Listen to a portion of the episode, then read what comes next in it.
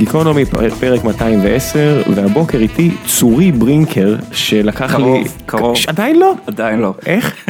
בריק נר. צורי בריק נר, סבבה. שזה השם הכי פחות באר שבעי שאי פעם אה, נתקלתי בו, ובדיוק דיבר, עשינו חילופי אה, סיפורי באר שבע, ועל דודו ה skater, אז אם דודו ה skater מאזין, אנחנו אוהבים אותך דודו, באמת. כן. אה, צורי ברינקנר. בריק. עזוב, עזוב שם. נו נו נו יאללה בוא תספר לי צורי. מה הולך מה זה השם הזה. אמרת הבטחת לי סיפור על השם. נכון, יש מלא סיפורים על השם הזה, אז תכלס צורי למי שלא יודע וכן אני מתעקש לכתוב את זה בלי ו' וכן זה עם קמץ קטן או עם אה, חטף קמץ, תלוי איפה אתם קוראים, זה בעברית או סוג של קטורת, אחד מהמיני קטורת שהקטירו, או תרופה, רפואה. אפילו אה, אדגר אלן פה הזכיר אותי באחד, בשיר, השיר שלו ב, בעורב שמה. Is, there balm in the Gilead, האם יש צורי בגלעד? fuck yeah, אני מוזכר אצל אדגר אלן בום. בום. זה אף אחד לא מכיר אף שיר אחר שלו. נכון. זה. זה לגמרי אה, המלכוד 22 של ג'וזף הלר שאתה אומר אתה יודע שהוא כתב עוד ספרים אבל נכון. זה מיותר. נכון, סתם אבל זה משורר ברמה כן. הרבה יותר ורסטילי כן. מג'וזף אלר כנראה. אמ, כנראה, למרות שאלוהים יודע של ג'וזף פלר וזמן סגירה אחלה ספרים גם כן, ממליץ, אבל אה, זה לסוף נראה לי על המלצות ספרים. כן ג'וזף אלר היה עוד משהו חוץ ממלכוד 22 ספציפית אלוהים יודע, ממש מומלץ, דומה למלכוד. בשום צורה. זה פשוט, זה הומור ההלרי, אבל זה לא קשור ל- להומור. כן, מלכוד שאנחנו 22 זה יותר מדי, אה, אתה יודע, השכ- השכינה ליטפה אותו בשינה, יצא הדבר הזה וברור לך שזה לא יכול לצאת שוב, דבר כזה. יפ, זה לא, אפילו קראתי את זה, אני חושב שסיברתי על זה, זה אחד הדברים המדהימים שהוא עושה ראיון בארץ, זה אנקדוטה שבטח סיפרתי פה כבר בטח כמה פעמים, שאמרו לו איך, ששאלו אותו, אני חושב שזה היה עם מעריב, ושאלו אותו איך הוא חי עם העובדה שהוא לא כתב עוד ספר שאנשים מכירים מלבד מלכוד 22 בצורה כל כך גלויה, כל כך גדולה ומרשימה, הוא אמר, זה בסדר, כי 99.999% מהאוכלוסייה גם לא כתבה ספר אחד כזה, אני כתבתי רק אחד כזה, וזה בדיוק ככה. זה נכון. אני, הזמנתי אותך כי לפני אה, כמה שבועות אירחתי פה את אה, פרופסור ערן סגל מוויצמן. שהגיע לדבר על אה, סוכר ועל המחקר ש, שהוא עושה ביחד עם שותפו בוויצמן, שהפך להיות בסופו של דבר הבסיס של חברה מסחרית בשם אה, דייטו, נכון. אה, שמאוד הולך לה לאחרונה. אה, טפו טפו טפו. מביאה ערך להרבה מאוד אנשים, אה, אפילו אנשים שקרובים אליי, אה, ונדבר תכף גם על זה. ואז אה, חוץ מהרבה תגובות אה, טובות, גם כרגיל, הגיעו גם תגובות אה, פחות טובות. כרגיל. תגובות מתנגדות, רק שכיוון שזה נושא מדעי אז הסתקרנתי, והחבר'ה מעבר לכל החוקרים, כל מיני חבר'ה שהיו השתתפו בניסוי והביאו לי איזה פרספקטיבה שונה על הניסויים של ערן ודייטו, שזה היה מאוד מעניין לקרוא, אנשים שלחו לי מכתבים ארוכים ורציניים לתיבה, גם יומרה ניסן, ממדע גדול בקטנה, עלה מולי ואמר תקשיב, אנחנו צריכים, אה, אנחנו רוצים להרים את הכפפה ולהציע אה, תגובת נגד. וידה ידה ידה, שאלתי אותו, אה, טוב בן אדם, מי, את מי אתה שולח? אז כן, מי אם לא את סמנכ"ל מדע גדול בקטנה, שהוא בטעות גם דיאטן וכמעט אפידמיולוג, סטטוס שאני אשאר איתו לא מעט זמן, תודות לסטטוס המעצבן של התזה שלי, אבל זה נושא לשיחה אחרת. למה? אה, יש לנו זמן, תכף נעבור אה, לדבר על נכון, תזונה. נכון, תכלס. אנחנו יכולים גם לדבר על עוד הרבה דברים אחרים. כן. אה, עם התזה שלי זה בלאגן, כי כעיקרון ככה. התזה שלי עוסקת בתיקוף מה שנקרא שאלון דחיפות תזונה, משהו שאני מקווה שאני אוכל לדבר עליו, כי הוא אחד מהתשובות שלנו לשאלה איך אנחנו יודעים מה אנשים אוכלים. זה שאלון דחיפות תזונה שכתבנו במיוחד לאוכלוסייה הטבעונית הישראלית, כי לא היה שאלון כזה שהותאם לאוכלוסייה הספציפית הזאתי. זה כחלק ממחקר שהקמנו מאפס, את האמת. זה מחקר שהתחיל אה, כשיחת אה, ספה שלי ושל קולגה, שהוא גם במקרה אחד החברים הכי טובים שלי, אסף בוך. הוא בעצמו אותו דוקטור לאפידמיולוגיה, דיאטן קליני, מאמן כושר, לובר, דנסר ואדם נהדר. ופשוט אה, אחרי שיחה טובה החלטנו שאנחנו מקימים מחקר על טבעונות מאפס, וזה מה שקרה.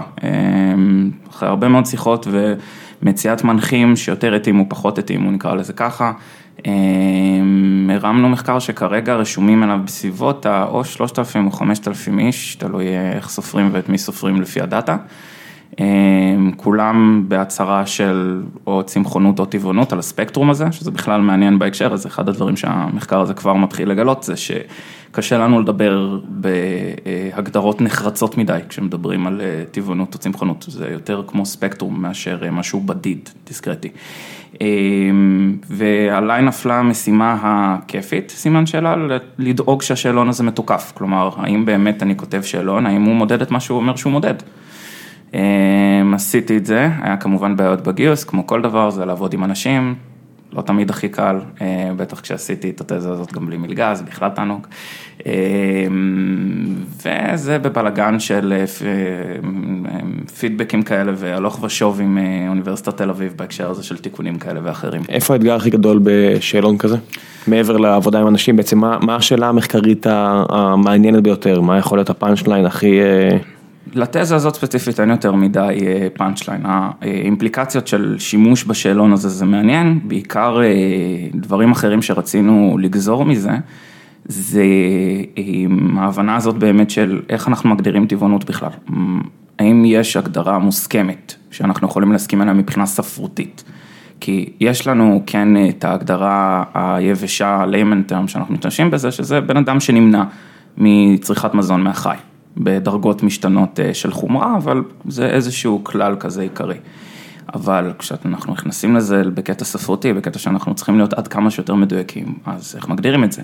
בן אדם שנמנע איקס חודשים מאכילה של דבש, בן אדם שמצהיר שהוא אוכל פחות מפעם בחודש דבש או בשר או משהו בסגנון הזה, האם יש הבדל לבן אדם שאוכל פחות מפעם בחודש לבין בן אדם שלא אוכל בכלל?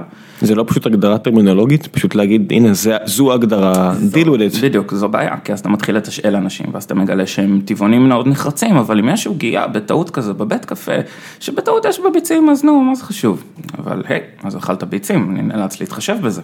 מהבחינה המדעית, בדיוק. כי אנחנו עושים פה בעצם ניסוי מדעי של השפעת טבעונות, טבעונות על, על גוף האדם, כן. והנה אכלת אה, סוכריות ג'לי מג'לטין, בדיוק, או עוגיה עם חמאה, השטן או... בפרטים הקטנים כאן, וזה נורא מעצבן, עכשיו יותר מזה, אה, גם דבר שכמובן גולה זה שאין מה לעשות, על זה גם אה, דיברתם ואני מסכים וצריך להרחיב על זה עוד אה, עם ערן, בהקשר הזה של... אה, זה שהמדע שאני מתעסק בו הרצה או לא מבוסס כרגע על כלים מאוד מאוד לא רגישים, גם הכלי הזה, אותו ה-FFQ, שאלון דחיפות תזונה, שאם שנייה נסביר מה זה, זה טבלה ארוכה כזו של עם בערך מאה ומשהו מזונות, זה משתנה ממחקר למחקר, שליד כל מזון כזה יש לנו בעצם את ה...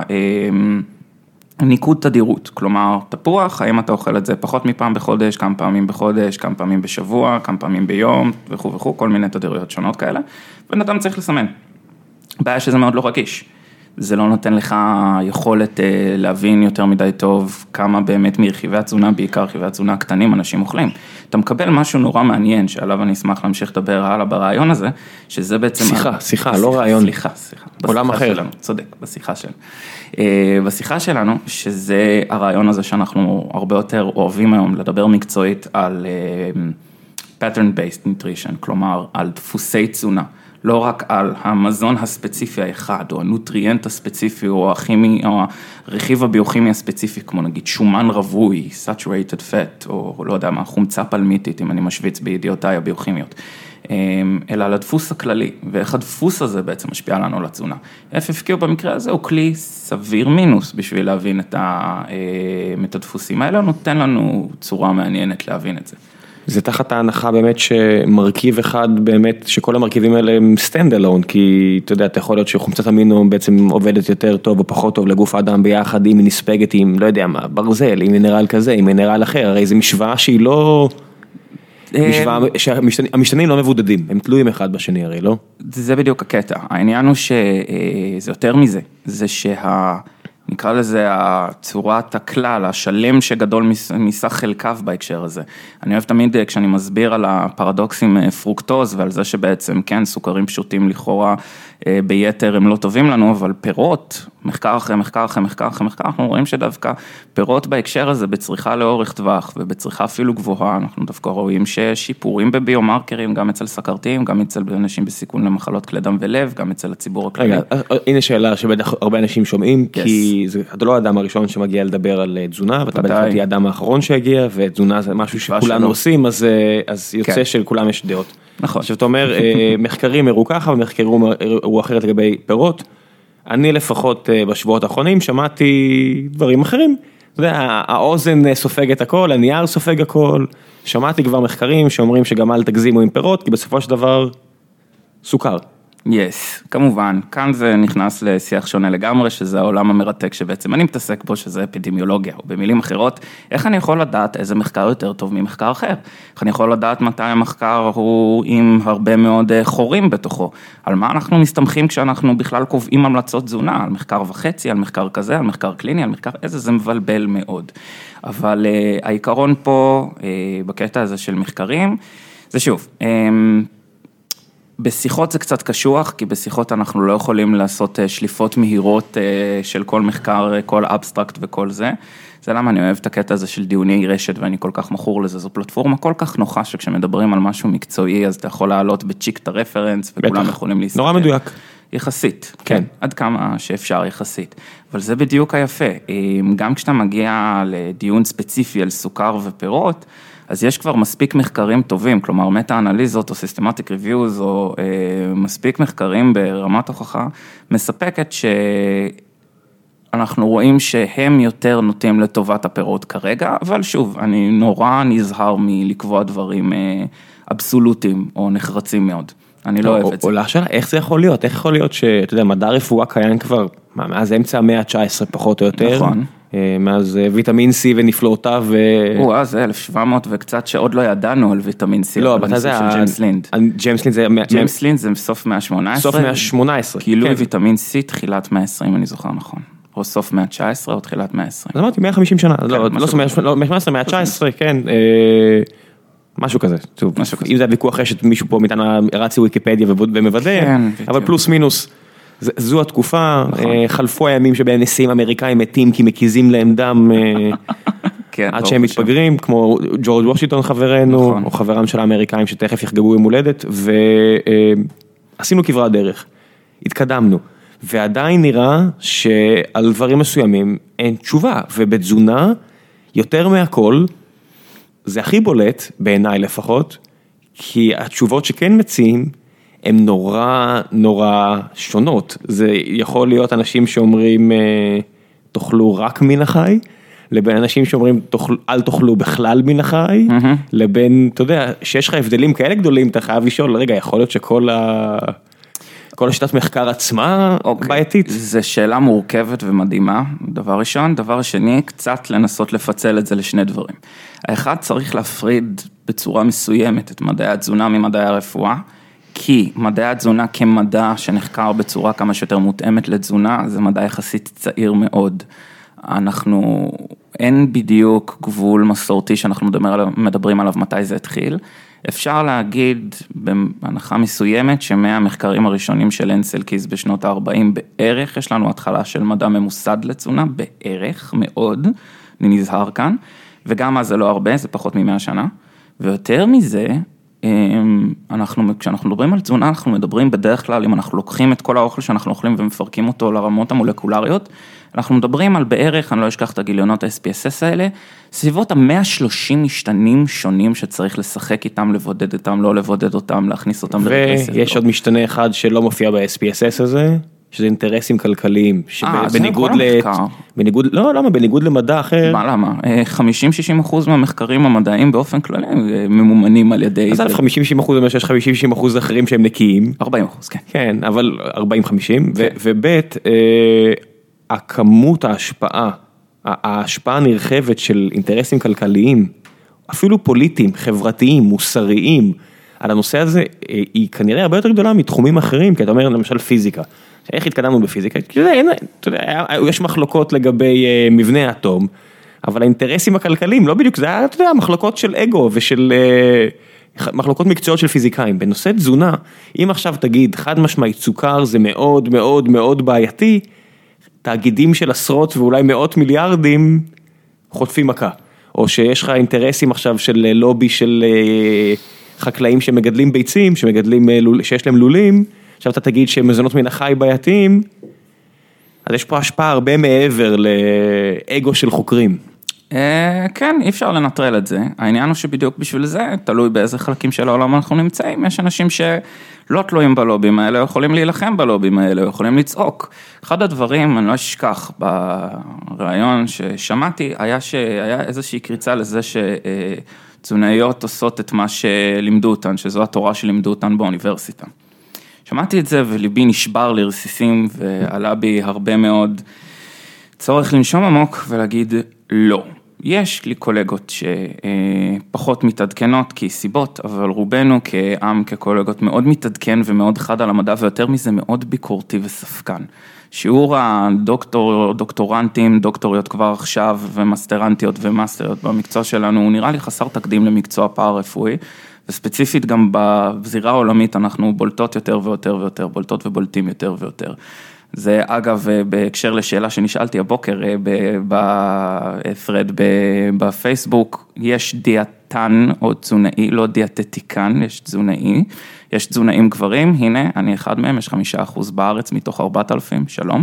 לענייננו, אז אנחנו מאוד ביקורתיים כלפי ההשפעות האלה של התעשייה, אנחנו גם מנסים לצעוק כמה שיותר חזק כנגדם, או, וגם יותר מזה, לא להניח שכל מחקר ממומן הוא מחקר דפוק, יש מחקרים ממומנים שהם מחקרים עם מתודולוגיה מצוינת, אני לא יכול לבטל מחקר רק בגלל שהוא מבוטל, אני כן מחויב. לא יכול לבטל מחקר רק בגלל ש... שהוא ממומן. ממומן. אני כן חייב לפקוח את שתי הגבות שלי למעלה ולהיזהר מאוד בפירוש תוצאות. תמיד, גם עם מתודולוגיה טובה. המקרה הקלאסי בהקשר הזה זה השפעות של ביצים על הכולסטרול וכתוצאה מזה על לכאורה שיעורי ההוראות או הקשר לסיכון. בהקשר של מחלות כלי דם ולב, שזה סיפור מרתק, אם יהיה לנו זמן לדבר עליו, אבל... אפילו זה, אתה מבין, אפילו כולסטרול, כי פעם היה נורא קל, האמת הייתה פשוטה, היית מגיע, עושה בדיקת דם, או לא יודע מה, כולסטרול גבוה, כולסטרול נמוך. ואז התחלנו לפצל את זה ל-DHL ו-HDL, HDL ו-LDL לדוגמה, אפשר להמשיך לפצל את זה. ואז המשיכו לפצל את זה עוד, ואז התחילו להגיד רגע, אבל אם ההוא גבוה, אבל יש לך מעט סוכרים, אז אולי זה בסדר, זה תפיסה אחת, ואתה יודע, התשובות כבר לא כאלה חמקמקות. כל מדע שמתפתח טוב ויותר ויותר ומתחיל להבין את המורכבות הפסיכית הזאת שנקראת הגוף שלנו וניהול הסיכונים שלנו, אנחנו נכנסים לפרטים קטנים יותר ויותר ויותר. קח לדוגמה סרטן, בהתחלה אמרנו מחלה אחת, ואז אמרנו טוב בוא נפצל את זה לקרצינומות, סרקונומות וכן הלאה, אז אנחנו מפצלים את זה לכמה, ואז אנחנו שמים לב שכל סרטן של רקמה אחרת הוא שונה באופן מוחלט כמעט מסרטן אחר, והגורמים שונים עד שאתה מגיע ל-500 ומשהו מחלות שונות. השנה בכנס מבריק הבינלאומי, אם אני לא טועה, לסוכרת. אז דיברו על סוכרת סוג אחד, אנחנו מכירים את סוכרת סוג אחד כמחלה אחת, תאי בטא בלבלב קורסים כתוצאה מכך וכך, הלבלב לא יכול לייצר יותר אינסולין, מחלה תורשתית לכאורה. פתאום, לאור כמה עשרות שנים של מחקר בעניין, אנחנו פתאום מבינים שיש מצב שזאת לא מחלה אחת, יש מצב שזה עשרות מחלות שונות. ויש כל מיני תת תיאורים ותת מצבים קליניים ותת מצבים כאלה ואחרים, שכנראה בעתיד, בעשור הקרוב, אנחנו כבר לא נגיד סתם סוכרת סוג אחד, בדיוק כמו שלא סתם אומרים היום סרטן ריאות.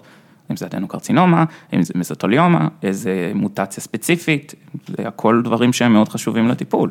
עכשיו, בחזרה בהקשר הזה של התזונה, אין מה לעשות, זה מדע צעיר, מתפתח, שיש לנו בערך רק 20 ומשהו, 30 שנה שיטות סטטיסטיות טובות לחקור אותו, וגם להן יש הרבה מאוד בעיות.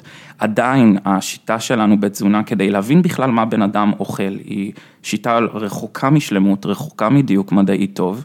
גם בשימוש באפליקציות שונות מסוימות או Web-based platforms חמודות נורא שאנשים משתמשים בהם, כל הזמן יש עדיין המון בעיות, עוד לא הגענו לזה, יש שמועות שאו ב-MIT או בסטנפורד או בדארפה עובדים על זה. לפני איזה כמה, איזה שנתיים שמעתי שמועות על זה שבסטנפורד ו-MIT מתחרים אחד בשני על יצירות כל מיני שבבים שאמורים לקרוא מה שמגיע לדם ומה שמגיע למערכת העיכול ולפה. טוב, זה הריבים הטובים, כן, אתה יודע, זה כזה מי גילה את קריספר ראשון, קריספר ראשון, שיהיה לבריאות, שהסיני הזה או הסיני ההוא, הכל סבבה. שיריבו, שיריבו, כן, זה קנאת... שיתחרו, הכל טוב. קנאת סופרים הרבה חוכמה בקטע הזה. אני חושב שגם האתגר הגדול פה זה שאתם מחפשים משהו סוציולוגי ולא פסיכולוגי על המשקל של, אתה יודע, אדם יכול לעשות ניסוי מבוקר מאוד על עצמו. נורא קל לעשות ניסוי על פרט אחד. אני יכול עכשיו להפסיק לאכול סוכר לגמרי ולראות מה ההשפעה. אני יכול להפסיק לאכול אה, מוצרים מן החי לגמרי ולראות מה ההשפעה. אני, אני יכול להיות ביני לבין עצמי, זה אפשרי, זה לא קל מן הסתם, נכון. אבל זה מאוד מאוד אפשרי. אני יכול לעשות על עצמי איזה ניסוי שאני רוצה ולראות מה ההשפעה. ברגע שזה לא אני, זה כמו, ברגע שאתה צריך לנהל כמה אנשים, פתאום יש בירוקרטיה, פתאום נכון. יש מורכבות, פתאום יש קושי. אתה בעצם מגיע ממקום ש... אתה יכול לבוא להרבה אנשים, אנשים יגידו מהצד שלהם, תקשיב, אתה אומר לי שסוכר זה לא נורא, אבל אני יכול להגיד לך שעליי סוכר זה לא טוב, ואתה אומר, חכה. אני רוצה למצוא תשובה שהיא כללית יותר מאשר רק על בן אדם אחד. הקושי במקצוע, במיוחד מהמקום שאני עומד בו, שמצד אחד אני קלינאי ויש לי קליניקה ומטפל באנשים וכל פעם מטפל בפרט, לבין אה, לבוא ממקום של בריאות ציבור, שזה לאפידמיולוגיה, זה לא בדיוק סוציולוגיה, כמו שאמרת, אלא אפידמיולוגיה. כן, כן, זה רק השאלה- על המשקל של, אה, רבים של או חברתי, יחיד, בדיוק, כן. אז זו בעיה מאוד גדולה, זה אחד האתגרים הכי גדולים שלנו בבריאות הציבור, זה איך אני אומר לכולם מה לאכול, בדיוק בגלל זה. גם יותר מזה, איזה דפוס תזונה אחד הוא באמת מתאים לכמה שיותר אנשים. מה גם שלא כולנו, אה, השושלת הגנטית שלנו זה לא יפן או פורטוגל נכון. או קרואטיה שרובנו נורא טהורים. ישראלים הגיעו מ...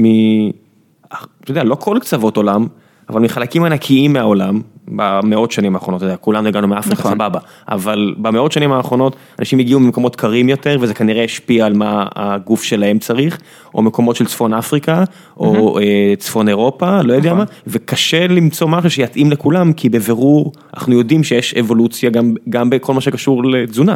אה, כן, ויותר מזה, כאן רק הזכרת אספקט אחד מהגנטיקה, גנומיקה. אנחנו לא מדברים על טרנסקריפטומיקה, או במילים אחרות איך הגנים האלה עוברים שיעתוק, כלומר כל המנגנוני בקרה שלהם RNA, מה שנקרא בין השאר מסלולים אפי גנטיים, שהיום זה הפך להיות ה buzzword בערך, כמו שביג דאטה סייבר בלוקצ'יין הפך להיות כאילו בהייטק. תראה, אמרת כמה, לא? כולם אומרים כן, אז אה, אני אוהב להגיד אותם תמיד ברצף, כדי שמה אתה שאני רוצה, יודע. תוסיף גם בוט. אה, בוטים, נכון, כן. בוט, אלגוריתם. אה, אה, יש הרבה, יש כן, יש הרבה. JS Angular, אמרתי נכון, JS Angular. בוא נמשיך. ייי, אני יודע הייטק סתם, כן. לא. אה, אבל באמת, אז אה, יש לנו את הקטע הזה של האפיגנטיקה, שזה רק בטרנסקריפטומיקס, ויש לנו גם proteomics, כלומר המסלול השלם של איך שגנטיקה הופכת להיות חלבון, זה בכללי שלוש חטיבות שונות. שכל כך הרבה דברים משפיעים עליהם, זה דבר ראשון, וזה רק על גנטיקה, לא דיברנו על ההשפעה של המיקרוביום וההשפעה של המיקרוביום על האפיגנטיקה ועל עוד כל מיני דברים. ו...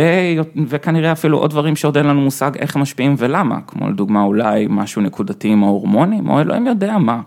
אנחנו יודעים המון, אבל עדיין לא יודעים הרבה יותר מדי על איך שהגוף שלנו עובד, בטח לא בהקשר הזה של תזונה.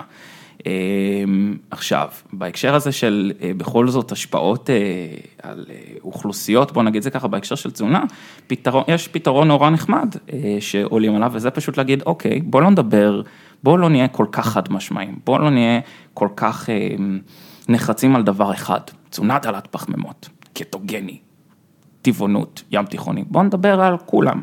בוא נדבר על כל הדפוסים האפשריים, ונדבר על קווים כלליים אה, פשוטים אה, שכל בן אדם יכול למצוא לעצמו. אבל הנחמד בהקשר הזה, אה, זה שיש כל כך הרבה דרכים להיות בריא בהם. באמת שיש אינסוף דרכים להיות בריא בהם. אתה יודע, אוהבים תמיד לשאול אותי, מה אתה אומר, טבעונות או קטו? אני אומר, מה שמתאים לך, מה שעובד לך בהקשר הזה. שקטו גם, אה, קטו אני עדיין קצת לא יכול להמליץ על זה בגלל המיעוט יחסי המחקרי, אבל אה, יש הרבה דפוסים שאני יכול להמליץ עליהם, דל פחמימות בכללי, עושה לך טוב, go for it, ים תיכוני, עושה לך טוב, go for it, צמחונות טבעונות מאוזנת היטב, go for it, וכן הלאה וכן הלאה.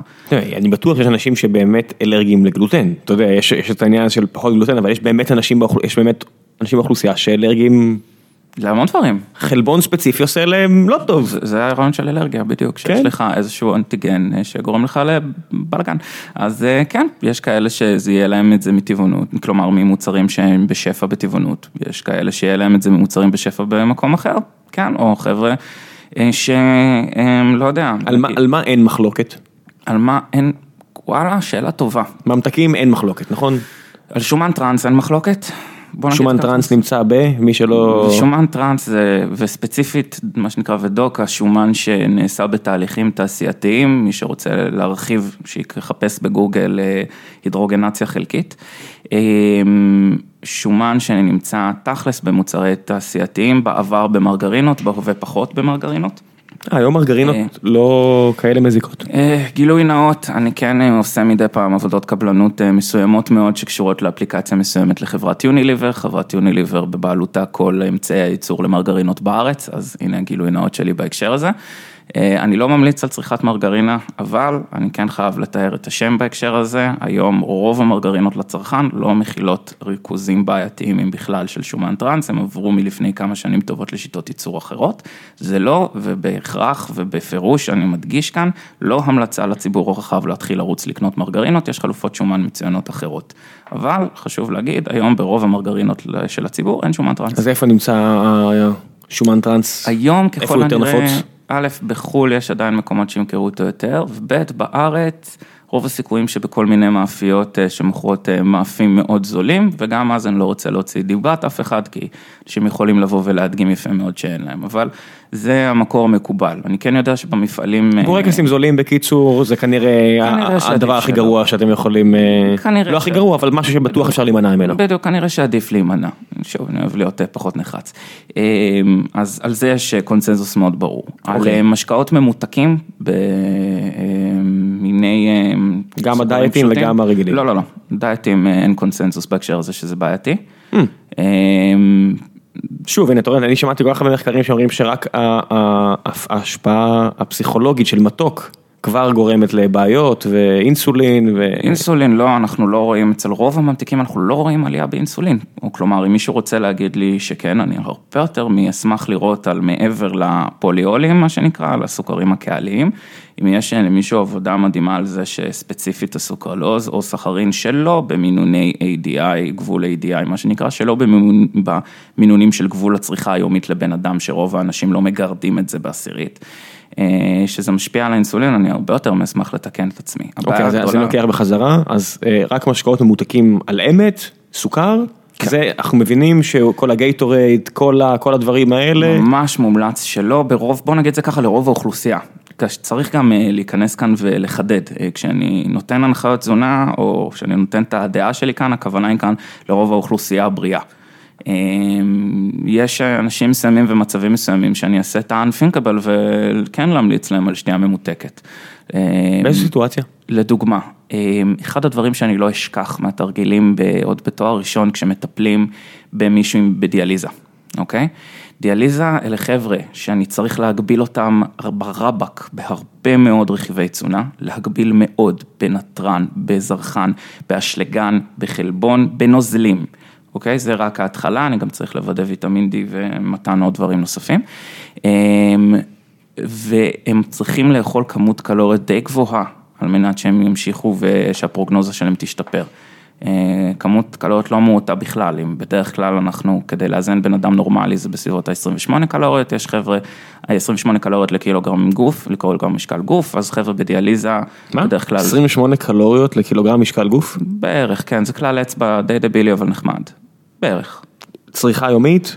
אמ, זה לכאורה, לכאורה, לכאורה, לכאורה ההוצאה הקלורית הכללית של רוב וזה בתנאי של מה? לא עשיתי כלום? לא התאמנתי? לא כלום? בתנאי של אה, הערכת אימונים סדירה, אם אני זוכר נכון, של 10% הוצאה קלורית ביום, והוצאה אה, של אה, ניט של עוד איזה 10% אחרים או 15%, ו-BMR כרגיל, שזה בסביבות ה-22 קלוריות לקילוגרם משקל גוף, בערך.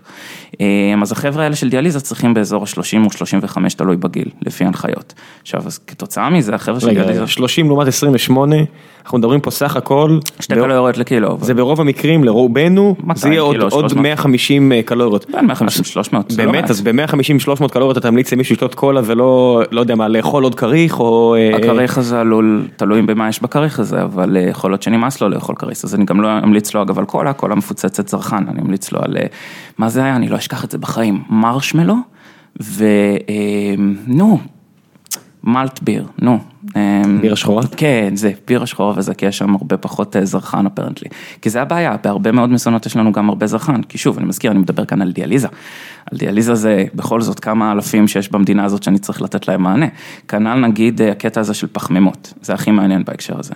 לרוב הציבור הבריא, אם אני אגיד עכשיו לא לאכול פחמימה, אז אולי יהיה לו תסמיני גמילה לקטו, משהו בסגנון הזה, לאו לא דווקא תמיד אנחנו נראה משהו מאוד בעייתי, חלק יפתחו תסמינים דמויי דיכאון, כי אולי יש להם את הרגישות של הסרוטונין, אולי, אבל יש אוכלוסייה שאני חיה, שבינתיים אסור לי להגיד לה, בצורה אתית ורשמית, אסור לי להגיד לה לא לאכול פחמימות, וזה נשים בהיריון.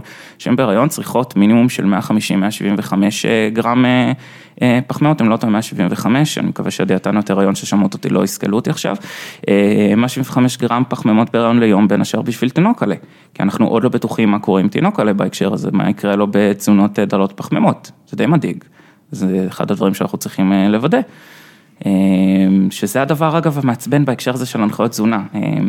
לדוגמה, הנה, אנחנו חוזרים לדיאליזה, כי זה תמיד מרתק בגלל כל ההגדרות איתם. כשאתה מנסה להחליט, נגיד, ולהגיד שירקות הם אה, אחלה לכולם, אז כן, לציבור הכללי יש קונצנזוס נורא נרחב על צריכת ירקות. פחות אבל... או יותר הקונצנזוס כן, היחיד. בערך אחד הקונצנזוסים לאוכלוסייה הבריאה, אבל אה, לדיאלטים, ולדיאלטים זה עלול להרוג אותם. אה, עגבנייה יכולה להרוג בן אדם בדיאליזה, לא מצחיק, או בקדם דיאליזה. מה שנקרא פרה-דיאלטיק אה, אה, ESRD שלב 4. כן, אנחנו מדברים פה על, כמו שאמרת, על אלפי אנשים, שזה, אה, מה, אחוז מהאוכלוסייה זה 80 אלף, אז אלפי אנשים, אנחנו מדברים פה על 0, 0. 4, 0, 0, אתה יודע. 5,000 עד 8,000. כן, זה, זה אחוז, זה אפילו לא בטל בשישים, זה הרבה מעבר לבטל בשישים באוכלוסייה. כן. אני אומר, בסדר, ברור לי שיש אנשים מיוחדים, זה, זה כמו להגיד, אתה יודע, מי שאלרגי לבוטנים, אז אני אמליץ לו ככה וככה, בסדר, ברור, הכל בסדר. כן. מהבחינה, זה המקצוע שלך, אני מכבד את זה. הרוב המוחלט של המאזינים, מבחינתו היה שמח לשמוע, את הדברים שהם כנראה נכונים אליו, מהבחינה הזו. בוא נגיד את זה ככה, בהנחה, שאני מדבר כרגע על אנשים ללא בעיות בריאותיות מסוימות, בהנחה שאני מדבר כרגע על... באמת אה, על אה, האוכלוסייה הבריאה הצעירה הרגילה, בוא נגיד את זה ככה, מבלי איזה שהן אה, התוויות כאלה ואחרות, אז יש כמה קונצנזוסים בטוחים. האחד זה באמת התבססות כנראה על הצומח, כלומר ירקות, יש לנו קונצנזוס נרחב על השימוש בהם. יש קונצנזוס נרחב על... כולן? מה זה? כולן? כן, לא מכיר ירק ספציפי שצריכים להתאבד כנגדו. יש ירק יותר טוב מאחרים? לא, אבל יש ירקות שאני אוהב להמליץ עליהם יותר כמה שנקרא מרכאות כפולות סוגרי פינות. כלומר, לדוגמה, פלפל אדום אחד בינוני גדול סוגר לך את כל הפינה של הוויטמין C. של הכל, כן, זה מה שאני מקפיד על אחד ביום בדיוק בשביל הסיבה הזו. טוב מאוד, או גזר אמור לסגור לך את רוב הפינה של קדם ויטמין A, מה שנקרא, של מה שאחר כך הופך בכבד לויטמין A, שזה נחמד. אה, או כל מיני כאלה, אבל תכלס, אם בן אדם לא אוהב פלפל אדום, אז ממש בסדר, שיאכל ירקות בכללי. שתיית מים, יש לזה קונצנזוס. אה, לא להגזים בפחמימות, ככל הנראה, יש על זה קונצנזוס. עם אה, הפחתה של סוכרים מוספים, מה שנקרא, יש על זה קונצנזוס. שומן טראנס, דיברנו, שומן רווי אין יותר מדי קונצנזוס, למרות שהראיות חזקות יותר ממה שחושבים בדרך כלל סביב שומן רווי. למרות שיש הרבה מאוד בעיות, והסיפור סביב אנסל קיז ומחקר שבע ארצות, והמחקרים אחר כך הם סיפורים נורא מעניינים בהקשר הזה של איך מחקר מתפתח ואיך כלים סטטיסטיים עוזרים לנו להבין דברים יותר טוב כשהם מתפתחים בזמן. אה, כשהם לא מתפתחים בזמן זה קצת בעיה. אה, איפה היינו? אז אמרנו. אמרת שומן רווי. כן. שאיפה אפשר למצוא אותו? שומן רווי נמצא לנו בעיקר במקורות מהחי, חמאה, בשרים מסוימים, אה, גם בשמן קוקוס, למרות שזה שומן רווי בינוני שרשרת, אז זה קצת שונה. אבוקדו? אבוקדו לא כל כך שומן רווי, זה שומן חד בלתי רווי, אומגה 9, אהובתנו, איכלו אבוקדו, אבוקדו זה נהדר, אלא אם כן יש לכם בעיות לב, אתם לוקחים קלקסן או משהו בסגנון הזה, אל תקחו אליי את המילה הזאת, כן. אה, התוויות ברגע. כן. אה, אז כן, אבוקדו בהקשר הזה זה נהדר, הנה, אומגה 9 יש על זה די קונצנזוס, אומגה 9 אנחנו מוצאים בשמן זית, אה, באבוקדו, בשקדים, בשמן קנולה ובאגוזים נוספים. אז יש לזה די קונצנזוס. אז מה הייתה בעצם הבעיה עם ה... זה נשמע כאילו שסוכר מוסף זה באמת בעייתי, אז מה הייתה באמת בעיה עם כל המחקר של ערן? הבעיות במחקרים של ערן, בוא נגיד זה ככה, דבר ראשון, אני לא חלילה בא מעמדה מתנשאת או תוקפנית יותר מדי, יש לי אינסוף הערכה לצוות הזה ולהרבה תובנות גדולות שאנחנו לוקחים משם. הבעיה הייתה, א', בוא נגיד זה ככה, להתמקד אתה הולך ספציפית, לעשות שיט סנדוויץ', אה? מה זה? אתה מכיר את המושג שיט סנדוויץ'? אה, תזכיר לי, זה, זה, לחם, זאת אומרת, אה, מחמאה, מחמאה. חרא, מחמאה. לא, אני לא אהיה אמריקאי עד הסוף, אני באמת אעשה את זה יפה. עבדתי על זה מאוד קשה, גם עם הבת זוג וגם עם יום איראן והכל, שאני אהיה פוליטי, אז אני אהיה נחמד. לענייננו, אמ, הבעיה, זה צריך פשוט לדון בבעיות הספציפיות שהן לא בדיוק של המחקר עצמו בלבד, אלא של התרגום שאנחנו עושים לזה אחר כך למציאות. אוקיי, לקחת בערך אלף אנשים ולבדוק אה, באופן רציף איקס זמן את הסוכר שלהם ולבדוק את מה שהם טענו שהם החליטו, זה רעיון מצוין, זה רעיון טוב. העניין הוא ספציפית בהקשר הזה של א', אה, מלמעט האוכלוסייה הקדם סכרתית והסכרתית, האם זה רלוונטי לאוכלוסייה הבריאה? סימן שאלה גדול. אה, לאוכלוסייה בריאה שאין לי סיבה לחשוד ברגיש, בתנגודת לאינסולין גבוהה אצלה, אני לא יודע כמה אינפוט זה נותן לי. אה, כנ"ל גם אצל המטופלים שלי שהם לא קדם סכרתיים או מטופלים בכלל, נשאלת השאלה מה ה-value שאני מקבל מזה. השפעה על אינסולין היא רעיון נחמד, קונספטואלית, אה, כשאנחנו מדברים בכללי על מדע, וכשאנחנו מדברים בעולם הקליניקה הוא רלוונטי לי כשהוא רלוונטי לי. האם באמת אה, תיעוד של מה שמקפיץ לי את האינסולין הוא האמצעי הכי טוב שלי למניעת מצבים של תנגודת אינסולין, שיש לי דברים שהם יותר cost effective, שיש לי דברים שהם יותר יעילים במחקר, אלה דברים שאני עדיין לא יודע, ולכן הם בחזקת סימן שאלה. זה דבר אחד. דבר שני, בהקשר הזה, אמ, בערך מההתחלה של המושג הזה, אינדקס גליקמי, שנוצר בשנות ה-80 עבור אה, האוכלוסייה הקדם סכרתית והסכרתית, בערך מאז שהתחלנו עם השיטה הזאת, הבנו שהיא שיטה רצופה בכשלים, מחוררת יותר מגבינת אמנטל אה, מעלת ריר כזו או אחרת. אוקיי? היא שיטה שעוד לפני המחקרים המצוינים בתחום הזה, הבנו שהם... מדד גליקמי שיש איזשהו אה, מספר שמוצמד לכל אה, מזון, תפוח. אדמה לעומת בטטה, כל כן. האלה, ואז אתה יודע... לא כל מזון, מזונות שהם עשירים בדרך כלל בפחמימות, כי כן, אוקיי. הרעיון הוא כזה, פחמימות שווה סוכרים לצורך הדיון הזה, יש לנו סוכר בדם, אנחנו אוכלים סוכר, הסוכר מתפרק, וההבנה שלנו היא שיש מזונות ש... או מצבים שהסוכר קופץ מאוד למעלה, וכתוצאה מזה לכאורה הגוף צריך לשחרר עכשיו יותר אינסולין מהלבלב, ויש מזונות או מצבים שבהם הסוכר אה, קופץ הרבה יותר לאט, ואולי אפילו ממשיך לעלות קצת בהמשך, מה שנקרא תגובה גליקמית, כשהאינדקס הגליקמי זה בעצם הדרך שלנו לנסות לכמת את זה ולתת ציונים למזון, כמה הוא מקפיץ לנו את הסוכר בדם, מה שמקבל ציון 100 זה גלוקוז טהור וכמעט 100 זה לחם לבן, או לחם בכלל אגב, אין אה, הבדל ענק בשיטות השונות בין אה, לחם מלא ללחם לבן, אה, ומזונות אחרים מקבלים ניקוד כתוצאה מכך. עכשיו, עוד מההתחלה הבנו שבגלל הקטע הזה שאם אנחנו משלבים חלבון עם פחמימה, או במילים אחרות אוכלים מזון שהוא יותר חלבוני, מזון שהוא יותר שומני, מזון שהוא יותר סיבי, אנחנו נקבל אינדקס שונה, שאם אנחנו נערבל את המזון או נטחן אותו, נשים אותו במרקם שונה, שלקיבה ייקח פחות זמן אה, לפרק אה, את הצורות הגדולות. מה שנקרא, אמ, אז אה, האינדקס יעלה וכן הלאה וכן הלאה, במילים אחרות, שזה דבר מאוד מאוד בעייתי, עם כשל לעצמו, עד כדי כך שאם אני לא טועה, עוד לפני שהמחקרים של אה, אה, סגל ואלינב, אליניב, אני כל הזמן, מבלבל, אני מתנצל. אוקיי. אמ, זה בסדר, בטח קורא מתבלבלים בשם שלך גם. מתבלבלים תמיד בשלי. אה, למחקרים מוויצמן, אה, כבר אז אגודת הסוכרת האמריקאית קבעה בסימפוזיון השנתי שלהם שהשיטה הזאת... אל- אלניב, כן. אלניב, מגניב. אה, שה... אתה יודע מה אלניב, מצטער. לא משנה. לעזאזל, לא נורא. כן. אה, מתנצלים. לענייננו, אז האגודה האמריקאית, ה-ADA, אה, קבעו עוד בסימפוזיון שלהם ב-2013 או 2014, אם אני לא טועה כבר, שהשימוש באינדקס גליקמי הוא לא יעיל עבור טיפול בסוכרת, וכתוצאה מזה הטיפול העיקרי שלנו באינדקס גליקמי הוא לא יעיל, אנחנו משתמשים בו היום באינדקס הזה כאמצעי חינוכי בלבד. עכשיו, זה לא אומר שהמחקרים היו גרועים או משהו בסגנון, זה אומר שנשאלת השאלה שלי כקלינאי, איפה ומתי זה עוזר לי, למעט חבר'ה קדם סכרתיים, ששם זה מעניין.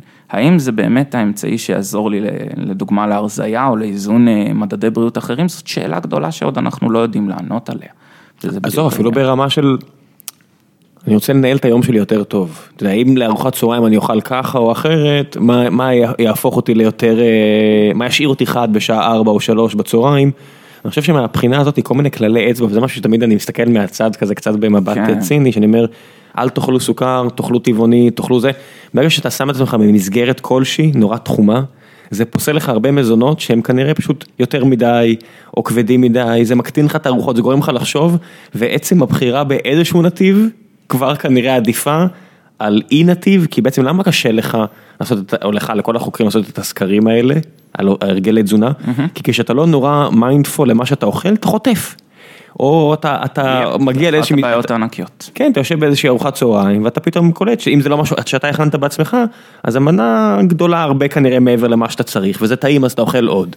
וזה הכל מגיע ממקום שאם אתה לא מאוד mindful למה שאתה אוכל אז אתה מתפרע, ואם אתה בוחר במשהו, זה כבר יותר טוב מאשר כל דבר אחר. בגלל זה אני אומר, אנשים אומרים לי, אני עושה קיטו, אני עושה, אני טבעוני, אני זה, אני זה, אני זה, אני זה, כמעט תמיד מהצד שאני מסתכל זה עושה טוב לבן אדם. כן, יש על זה. כל עוד הוא מתמיד ולא מתפרק אה, פסיכולוגית. זה בדיוק אותו הקטע, כששואלים אה, אנשים אה, רציניים מאוד בתחום הכושר, פיזיותרפיסטים טובים, פיזיולוגי ספורט וכאלה, מה האימון הכי טוב? טבטה, HIIT, AB, full body workout, עוד כל מיני קיצורים יפים כאלה, שכמות הטרנדים בספורט לדעתי שווה או אפילו עולה את כמות הטרנדים בתזונה. התשובה של אותו איש משכיל וטוב תהיה האימון שאתה מתמיד אותו. האימון שאתה מתמיד בו, סליחה, האימון שאתה עושה. כנ"ל תזונה, איזה דפוס הכי תזונה, זו שאתה תתמיד בה ולא עושה לך רע, בסופו של דבר. אוקיי? שזה אגב השאלה הגדולה שלנו בנוגע לקטוגנית, אך, אני כל כך אוהב לעצבן את הטרולים שאני יודע שיקפצו אליי אחרי זה. יש פה כמה משרד, הם פשוט עובדים פה בדרך כלל בשעות הפוכות בגלל שהם עובדים אמריקאים, אבל יש פה כמה. כן, אני רוצה להגיד כל מיני דברים נוטי, ואז להתחיל ללטף את עצמי כשאני אומר כל מיני דברים שאני יודע שעשו טריגרים כאן לקטוגנים, זה נהדר. כן, אני אוהב את הריח של הקטוזיס כשאני שומע את מה הבעיה בקטוגני? קטוגנית, בוא נסביר שנייה, קטוגנית זו תזונה שאנחנו מכירים הרבה מאוד שנים למעשה, לא בצורה מדעית מדי, אבל הרבה מאוד שנים שאנחנו מכירים אותה. מאז אסקינס? הרבה לפני. הרבה לפני? הרבה לפני. כמדע, כמדע, כתזונה מדעית, זה אחת מהתזונות הראשונות שהתחלנו לחשוב עליהן מבחינה מדעית עוד בתחילת המאה ה-20, באמת כטיפול בילדים עם אפילפסיה, מתוך ההנחה שהתזונה הזו מורידה פעילות מוחית, זה מה שאמרו בתחילת המאה ה-20, היום אנחנו יודעים שלא כך. זה פשוט, פשוט אה, השימוש בדלק האחר, שאותו נרחיב עליו, גורם למסלולים קצת שונים. Okay. עכשיו, מה שקורה בתזונה הקטוגנית זה שהגוף מתחיל, אה, עובר, סליחה, למטאבוליזם אחר, במקום לפרק גלוקוז, שזה רוב מה שתאים עושים, לקחת גלוקוז או לקחת אה, חומצות שומן ולהפוך אותן למה שנקרא ATP, המטבע האנרגטי שלנו, התאים עוברים למטאבוליזם אחר, בו הם משתמשים בגופי קטון, הנה השם קטוגנית או ketogenic, אם אנחנו בהגייה אמריקאית משהו, אה, גופי קטון. אה, מי שמאוד אוהב ביוכימיה, חפשו אצטו אצטט וכאלה, וריח של אציטון מהפסט יגידיש. עכשיו, אה, כדי להגיע למצב הזה, אנשים אוכלים 80 אחוז ויותר מהתזונה שלהם שומן, בניגוד להמלצות שלנו היום, שזה באזור ה-30 אחוז עד 50 אחוז שומן, תלוי באיזה דפוס תזונה. לדוגמה, לא מדויק להגיד שהיום רוב דפוסי התזונה המקובלים הם אה, אנטי שומנים או משהו כזה, התזונה שהיום הכי מקובלת על כל גופי הבריאות בעולם פחות או יותר, זו התזונה הים תיכונית שמדברת על 40, 40, 45, 50 אחוז שומן, זה לא מעט שומן, זה לא דל שומן. עכשיו, אה, קטוגנית זה 80 אחוז שומן צפונה, אה, חלבון בערך על פי האזור המינימום או ההמלצה לאדם בריא כללית, 0.8 עד 1 גרם לקילוגרם משקל, אה, ופחמימות בין 0 ל-5 גרם עד גג גג גג גבול הקטוזיס. זאת אומרת 80 אחוז שומן, 12-13 אחוז חלבון וכל הנותר, כן. כל הנותר זה פחמימות, זאת אומרת מעט מאוד פחמימות. מעט מאוד פחמימות. זה אומר שאתה לא יכול לאכול פירות יותר מדי, מן הסתם בטח שלא לחם, בטח שלא לא, חטיפים. לחם לא, אורז לא, רוב הירקות אפילו לא. אולי בטטה קטנה. קטנה, אבל אז אתה לא אוכל ירקות ולא אוכל כבד ולא אוכל עוד כל מיני דברים וכמעט ולא אוכל גבינות. זו תזונה לא פשוטה. רוב המחקרים שלנו שנעשו עליה, נעשו בכלל על איך ילדים עובדים איתה, ובאמת בתל השומר אני חייב לציין אה, לחיוב את היחידה שיש שם שמתעסקת שם עם ילדים אפילפטיים בתזונה קטוגנית, שיש לי שם לפחות שתי קולגות שאני מכיר היטב שעובדות עם הילדים האלה ועושות עבודה מדהימה, אבל יש לנו המון המון מחקרים על התזונה הקטוגנית בילדים, ואנחנו רואים ששם לילדים לתת קטוגנית זה קשה. הם לא מקבלים את זה טוב, ושיעורי הנשירה, הטרישן רייט מהמחקרים האלה יכול להגיע אפילו ל-88 אחוז. מתוך 100 ילדים, כלומר מתוך 100 ילדים בניסוי, 88 לא, לא מסיימים חצי שנה על הקטוגנית. נשמע לי הגיוני מאוד, זה נורא קשה. זו תזונה מאוד קשה, אה, שזה לא מפתיע אותי בכלל שהפכה להיות טרנד פה. אה, העניין הוא שלמעט מעט מאוד מחקרים שחקרו את זה שנה פלוס, אין לנו המון מחקר מחקרי אורך, שזה סוגיה ענקית שאני חייב כאן אה, זה, כי כאן זה חצי אידיאולוגיה מחקרית מתודולוגית שלי, להגיד, אין לנו הרבה מחקרי אורך על השפעה של התזונה הזאת, על, ה, אה, על הבריאות באופן כללי, ויש נקודות. מחקרי אורך מוגדרים כמה מעל מספר חודשים? כן, הכוונה בהקשר הזה למחקרים שיש לי שנה פלוס שנתיים פלוס ויותר מזה. אני אה, אוהב, ברור. אני בא מאפידמיולוגיה, וכתזונאי, רוב מה שאכפת לי מבחינת בריאות של אנשים נמדד בחמש שנים, עשר שנים, חמש עשרה שנה, עשרים שנה, לא חצי שנה, לא חודש, לא שבועיים. כדי לראות השפעות ארוכות טווח על הבריאות, אני צריך לחקור אנשים שנים. הדגם של מה שנקרא ניסוי קליני, קרי ניסוי שבו אני מתערב לאנשים, נותן להם דיאטה מסוימת, כמעט ולא מסוגל להגיע לשנים האלה. מעט מאוד מחקרים, אם בכלל פורסמו, שמסוגלים להיות קליניים בגלל העלות שלהם והתחזוקת המחקר. אז אולי עדיף לוותר. מבחינתי, אני מבין את האידיאל של לחקור משהו לאורך 10, 20 שנה, 5 שנים, שנה, אבל אם אה, אנחנו יודעים הרי תזונה, יש לה השפעה, אם זה, אם זה פלסיבו או לא. אבל איך אני אדע יש- אותה? אם אני לא אחקור, איך אני אדע? זו שאלה מאוד גדולה. הרי לא יודע, אם אני עכשיו, אה, בן אדם אה, עושה תזו- תזונה קיטוגנית, במשך חודשיים, שלוש, חייו השתנו. יש, זה, זה, ההשפעה על חייו היא גדולה. אוקיי, חודשיים אה, שלוש. חודשיים, שלוש, ארבע, עכשיו זה, הוא, הוא כנראה ידע להגיד לחיוב או לשלילה איך הוא מרגיש. זה יכול להיות פרמטרים כמו כאב ראש, היכולת להתרכז במהלך היום, רמות אנרגיה, כל מיני דברים שהם הם כביכול ארטילאיים, אבל בפועל כולנו חווים אותם, אנחנו יודעים להגיד אם אנחנו מרגישים טוב או לא, אז אני מניח שביום נתון קשה לדעת, כי יש יותר מדי משתנים, אבל לאורך זמן, שה, שהתזונה נשארת קבועה, אתה יכול לדעת אם אתה מרגיש יותר טוב או פחות טוב. אבל אני מדבר על דברים שהרבה פעמים אנחנו לא יודעים להרגיש אותם, וגם אז, אה, אנשים יכולים להתרגל, להתרגל לכל מיני סבל אם הם מאמינים מספיק במה שהם עושים. ואז נשאלת השאלה, מה הסיכונים לטווח ארוך? מה הסיכוי או הסיכון שבן אדם שיעשה תזונה X ימות לי יותר או ימות לי פחות, יחלה לי יותר או יחלה לי פחות, יהפוך להיות נטל על הציבור ו... כן, אבל אתה מבין, הדבר הזה, הנה- הנה משהו, ב-18 שנים האחרונות, אורך חיים הממוצע במערב גדל באיזה חמש שנים. אם אני לא טועה, וקראתי את זה רק ממש מינוס. השבוע, זה המספר, אני זוכר, כי אני די בטוח שזה המספר, ואנחנו אוכלים הכי גרוע אי פעם. באמת, ב... באמת? לא יודע. מאיזו בחינה, אתה יודע, אתה מסתכל, בטח שלא בתקופה שלא אכלו בכלל, הוא בטח לא, אני מדבר כאילו, אתה יודע, ב- בתיאוריה בוא נגיד, בסדר? לא יודע, זה, זה אחת השאלות שבאמת קשה לענות, אז כל אבל- הזמן אומרים את זה ואני כזה, נכון, זמן. כי באמת זה זה נכון, אני לוקח בחזרה, זה הערה דמגוגית, כי באמת אומר, היה תקופה שלא אכלו כלום, אז מן הסתם אנשים אה, התבגרו גם, וגם בשנות ו- החמישים, כן. אולי היה דווקא יותר גרוע, לא יודע, לא עשיתי אז סקירי תזונה טובים. אבל הנה- הנקודה, האורך חיים רק עולה ועולה. נכון. ואתה אומר, אני לא רוצה להגיע למצב שתחיו פחות. נכון. יודע, אולי, אולי האופטימיזציה כבר לא צריכה להיות על כמות השנים של, של החיים, כי אם אנחנו עכשיו מגיעים למקום שרובנו נח- נחיה עד גיל 85-90, אבל התפקודי מוח שלנו יהיו אה, על הפנים, לצורך העניין, והנטל הוא לא יהיה אם לא נהיה בריאים, אלא אם כן נהיה בריאים. אתה מבין, יש פה כל מיני שאלות מוסריות שכחברה, אתה אומר, מה, אנחנו רק מנסים להעריך את הסיפור הזה, או לשפר, ואז באמת אני אומר, המחקרים האלה של כמה חודשים, לא כמה שנים, של עזוב אותי מה יקרה לי בגיל 80 עם התזונה הזאת, תגיד לי עכשיו, אם, אם אני שמח יותר, אם אני יכול להיות מרוכז, אם אני לא אה, בארבע בצהריים בוהם מול המסך, ואין לי יכולת אפילו, אתה יודע, לחשוב בלי להיכנס לאיזה מראה שחורה, כי אני... אוקיי, על זה שתי נקודות. האחד, יש גבול לכמה תזונה משחקת באמת תפקיד בדברים כאלה, בנישות הספציפיות האלה. ריכוז, עייפות, דברים כאלה, יש גבול לכמה רק תזונה משחקת בזה. זה שוב, לא סתם בקליניקה, האנמנזה שלי כוללת את השאלה של איך אתה ישן, כמה סמים אתה עושה, מה התחביב שלך ומה רמות הסטרס שלך. כן, אז הסמים אני בטוח שאתה יודע, בקרב אוכלוסיות כאלה ואחרות, זה באמת מרכיב אמיתי, ובטח גם אלכוהול. גם שינה וסטרס ועוד כל מיני. בוודאי, אבל האם זה לא הרבה מגיע, אתה יודע, גם היכולת לישון טוב, האם היא לא תלויה מאיך שאני אוכל, מתי אני אוכל, אתה יודע, עכשיו התפוצצתי מסוכר ב-10 וחצי בערב, זה בטוח לנו- ישפיע לי על השינה גם. יכול להיות שזה ישפיע לך על לנו יכול מושג. להיות? כן, יכול להיות. אני נזהר בדברים האלה כי אין לי יכולת להגדיר כמה. לא, עזוב כמה, ישפיע. זה... סיבתיות, מה מה שנקרא. כן. האם זה באמת משפיע? עוד אין לי סיבתיות ברורה לזה. יש לנו קריטריונים די ברורים היום במדעי הרפואה וכתוצאה מזה במדעי התזונה לאיך סיבתיות עובדת. גם בקטע הזה אגב אצל אה, תזונה אנחנו כנראה נאלץ לעשות כל מיני החרגות בגלל הבעייתיות בלעשות מחקר קליני תזונתי וההסתמכות והרצון של רוב רובנו במקצוע להסתמך יותר על מחקרי אה, עוקבה ארוכים, מחקרי קוהורט שהם כן אוי ואבוי תצפיתיים, אפידמיולוגיים, אימא'לה, ערפלנים, בלה בלה בלה, אבל כן, הם המחקרים הטובים שכרגע נותנים לנו מענה על עשרות שנים ויותר. אז כן, זה דבר ראשון בהקשר הזה. בהקשר השני, לתזונה כן, יש לנו כן כמעט קשר סיבתי בהקשר של איכות חיים, כלומר, האם תזונה טובה ואורח חיים בריא, מה שנקרא, יגרמו לנו להגיע לגיל 80 או 90 כשאנחנו לא דמנטים ולא נטל על החברה, מה שנקרא, כשאנחנו דווקא מתפקדים סבבה. אז עכשיו אתה קושר את זה כבר להשפעות על המוח, כי הרי כן. את המשחק תמיד היה בתזונה, לפחות לעניות דעתי, תמיד היה דיבור על הלב.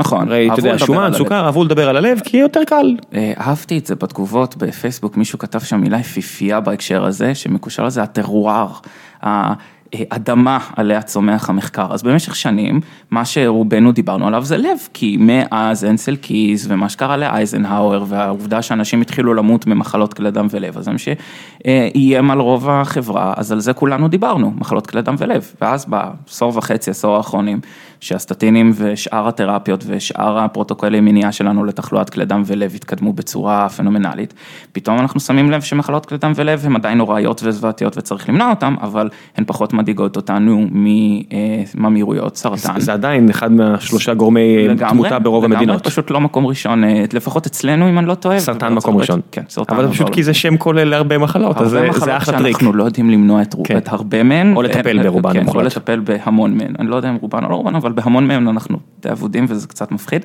אבל אה, המון מהן אנחנו יודעים לטפל יפה וזה נהדר והידד למדע, יאי סייאנס, אבל אה, עוד דבר שמפחיד אותנו מאוד בהקשר הזה, אז כן, זה מוח וספציפית אלצהיימר או ספציפית כל הקלאס של דימנטיה והידרדרות. זה ממש מפחיד, אם אתה שואל אותי אישית כבן אדם, זה הדבר שבאמת אה, מפחיד אותי. כן? להפוך להיות קליפה במיוחד. כן. בסוף, יודע, אני- אני אומר, מפחיד אותי שה-70 שנה עד אז, לא יהיו, שאתה לא תגשים את הפוטנציאל, כאילו שלא יהיה לך חיים מלאי משמעות אה, ואושר. אז על זה אני עובד. אני אומר, החמש שנים האחרונות שבהם אה, אתה תהיה נטל על הסביבה שלך ולא לא יודע כמה תהיה מודע לזה בכלל, זה בהחלט מפחיד. ונוראי, כי כל מי שחווה את זה עם מישהו שהוא אהב וראה אותו הולך ונמוג מול עיניו, זה מזעזע. מצד שני, אנשים ש... אה, לא יודע, אני תחת האס- האסכולה שתזונה מאוד משפיעה על היום יום שלך. היא משפיעה על היום יום שלי, אני פשוט כ- כמדען אני קצת אבוד בקטע הזה, כי אני רוצה להגיד שכן, אני לא יודע מה שנקרא to which extent, כמה. אני לא יודע לכמת את זה, אני לא יודע לתת אה, הנחיות מבוססות מספיק בהקשר הזה.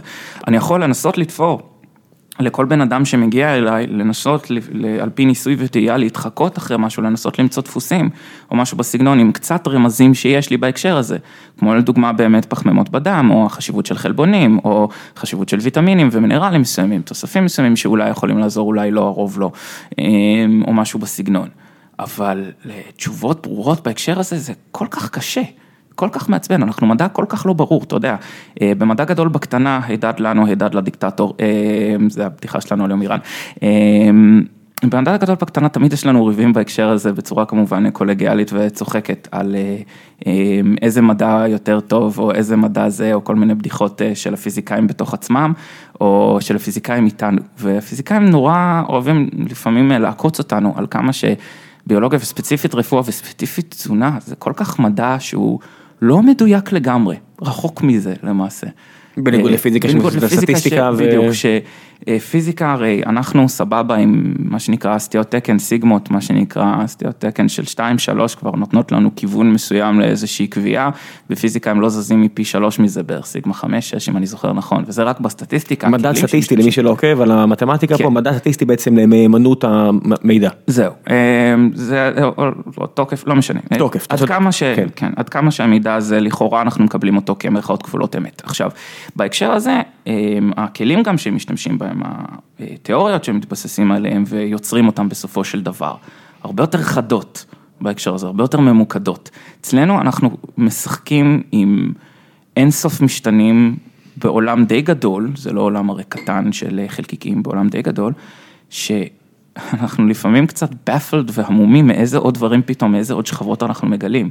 הנה, מיקרו ביום לדוגמה, מה שהחבר'ה של רן ורן עשו בצורה נהדרת בהקשר הזה של לגרום לנו להבין קצת יותר אה, איך זה פועל. עוד שוב, קשה לי להגיד עם אימפליקציות קליניות מדהימות, אבל אה, כן אה, להבין קצת יותר לעומק, בוא נגיד את זה ככה. אה, עד לפני כמה שנים טובות לא ידענו שיש לזה כזאת השפעה. ב-15 שנה האחרונות, חיידקים 20 שנה- בחיידקים במעי. המיקרוביום, כן, סליחה, זה החיידקים במעי.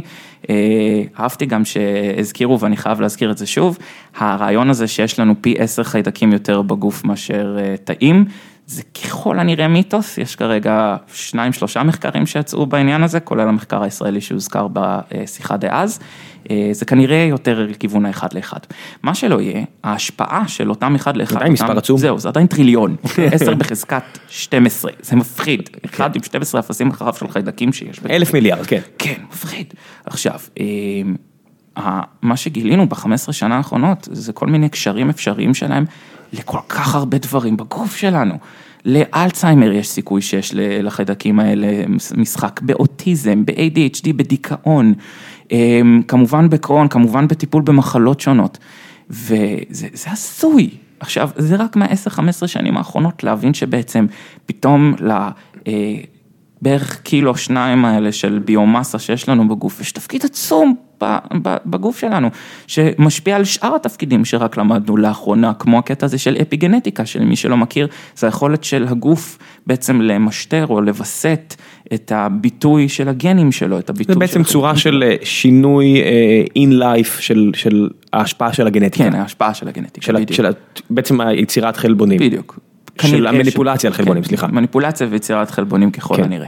אה, שזה תקראו על ניסוי הר- הרעב בהולנד וכו' וכו', מחקר מאוד מעניין. כן, ואחת הסיבות ללמה נשים בהיריון צריכות לקחת חומצה פולית מלא סימני קריאה, אה, בדיוק בין השאר בגלל זה. אה, וזה מפחיד ההשפעות גם שכל פעם אנחנו צריכים לזכור שזה בא ביחד, כלומר האם יש אה, מה שנקרא אפקט חופף, אינטרסקציה כלשהי בין אה, החיידקים האלה לאפיגנטיקה, להורמונים, לעוד 7,000 גורמים אחרים, שרק התחלנו לגלות אותם ממש עכשיו. פיזיקה, נגיד כמדע, יש לנו את ה... מה, קוונטים אנחנו מכירים סביבות המאה שנה, אם אני כן. לא טועה, משהו בסגנון הזה, שיש לנו כבר לא מעט מחקר מדהים על זה, ועדיין אנשים baffled לגמרי ככל הידוע לי, או לפחות כשניסיתי לראיין פיזיקאים בכנס אה, על אה, תיאוריית המיתרים, הייתי baffled לגמרי מכמה שהם baffled בעצמם. כן, הכל בסדר, אבל היכולת שלהם עדיין לחזות אה, דברים הוא הרבה יותר טובה מתזונה. הרבה יותר טובה. הם, הם משחקים, הם, הם משחקים על הגרייבי, הם משחקים על, התות. כן, הם רוצים לדעת מה קרה לפני, חמיש, אתה יודע, לפני 14 מיליארד שנים בדיוק נורא גבוה. הם יודעים את זה כבר ברמת הננו שניות, זה כן, אז. בוא, אני אומר בוא ניתן לפיזיקאים את שלהם, נחזור כן, לגוף כיף האדם. להם. אז לנו- אנחנו, רוצים לדעת איך להיות מרוכזים בארבע צהריים ואיך לא למות מסרטן או, לסבול. מאלצהיימר, זה... יפה, אז בקטע הזה כן יש לי, אתה יודע מה, כשאני חושב על זה, כן יש לי אה, כללי אצבע בהקשר הזה. איך להיות לא עייף בארבע בצהריים זה לאכול טוב לפני ולישון טוב, בוא נגיד זה ככה, לאכול זה טוב. לשפר, כן. זה, זה, כל מה שאתה יכול לעשות זה רק לשפר, זה. הכל. אתה יכול לשפר וגם אה, לשאול את עצמך למה אתה עייף, האם זה קשור לסטרס, זה שלושת השאלות שהייתי שואל, האם אני ישן טוב, האם אני אוכל טוב בכללי, כלומר אני לא ברעב, משהו בסגנון הזה. למרות אה, שגם רעב יש לו, יש לו את היתרונות שלו, לא? אה, תלוי כמה רעב ותלוי כמה אתה מגיב טוב לרעב הזה, בוא נגיד את זה ככה, תלוי כמה אתה מגיב טוב לרעב. אמ, ומה הסטרס שלך, שזו שאלה מאוד חשובה שאני רוצה שאנשים באופן כללי ישאלו את עצמם יותר, לא סתם יש אה, כל מיני דיווחים שמדברים על סטרס בתור המגפה של המאה ה-21. כן, יש לנו, זה משהו ש... אני יכול להגיד לך באמת, בר- ברמה האישית, הת- התשעה חודשים האחרונים היו מה... מהכי stressful שבחיי, בגלל מהמם. החברה פה, ויש לזה מחיר. יש לזה- לזה יש לזה מחיר כבד ש... שאין מה לעשות, אין, אין לברוח ממנו, ובוא נגיד, בניגוד ל... אין לי, אין לי אישית הרבה ספקות לגבי המחיר הבריאותי של סטרס. נכון. אני מודע לו, אה, כולם צריכים להיות מודע, מודעים ל... נכון. למחיר של סטרס, בטח סטרס שהם בוחרים לי, ל- להכניס לחייהם. בדיוק, ואז זה גם כן. קשור לתזונה, כי הרבה פעמים אנשים יכולים לשאול, זה, אתה יודע, זה קורה לי המון בטיפול. אנשים נורא רוצים שאני אדבר איתם טכנית מה לאכול, אבל הרבה פעמים השאלה היא איך לאכול, או איך לחיות קודם כל, למה הכוונה. אני יכול לכתוב לבן אדם עשרות תפריטים מכל מיני סגנונות תזונה. מקטוגני ו DASH וים תיכוני וטבעוני ו whatever, וזה יהיה תפריט נורא יפה ומאוזן ומתוקתק ומקודד וכל זה.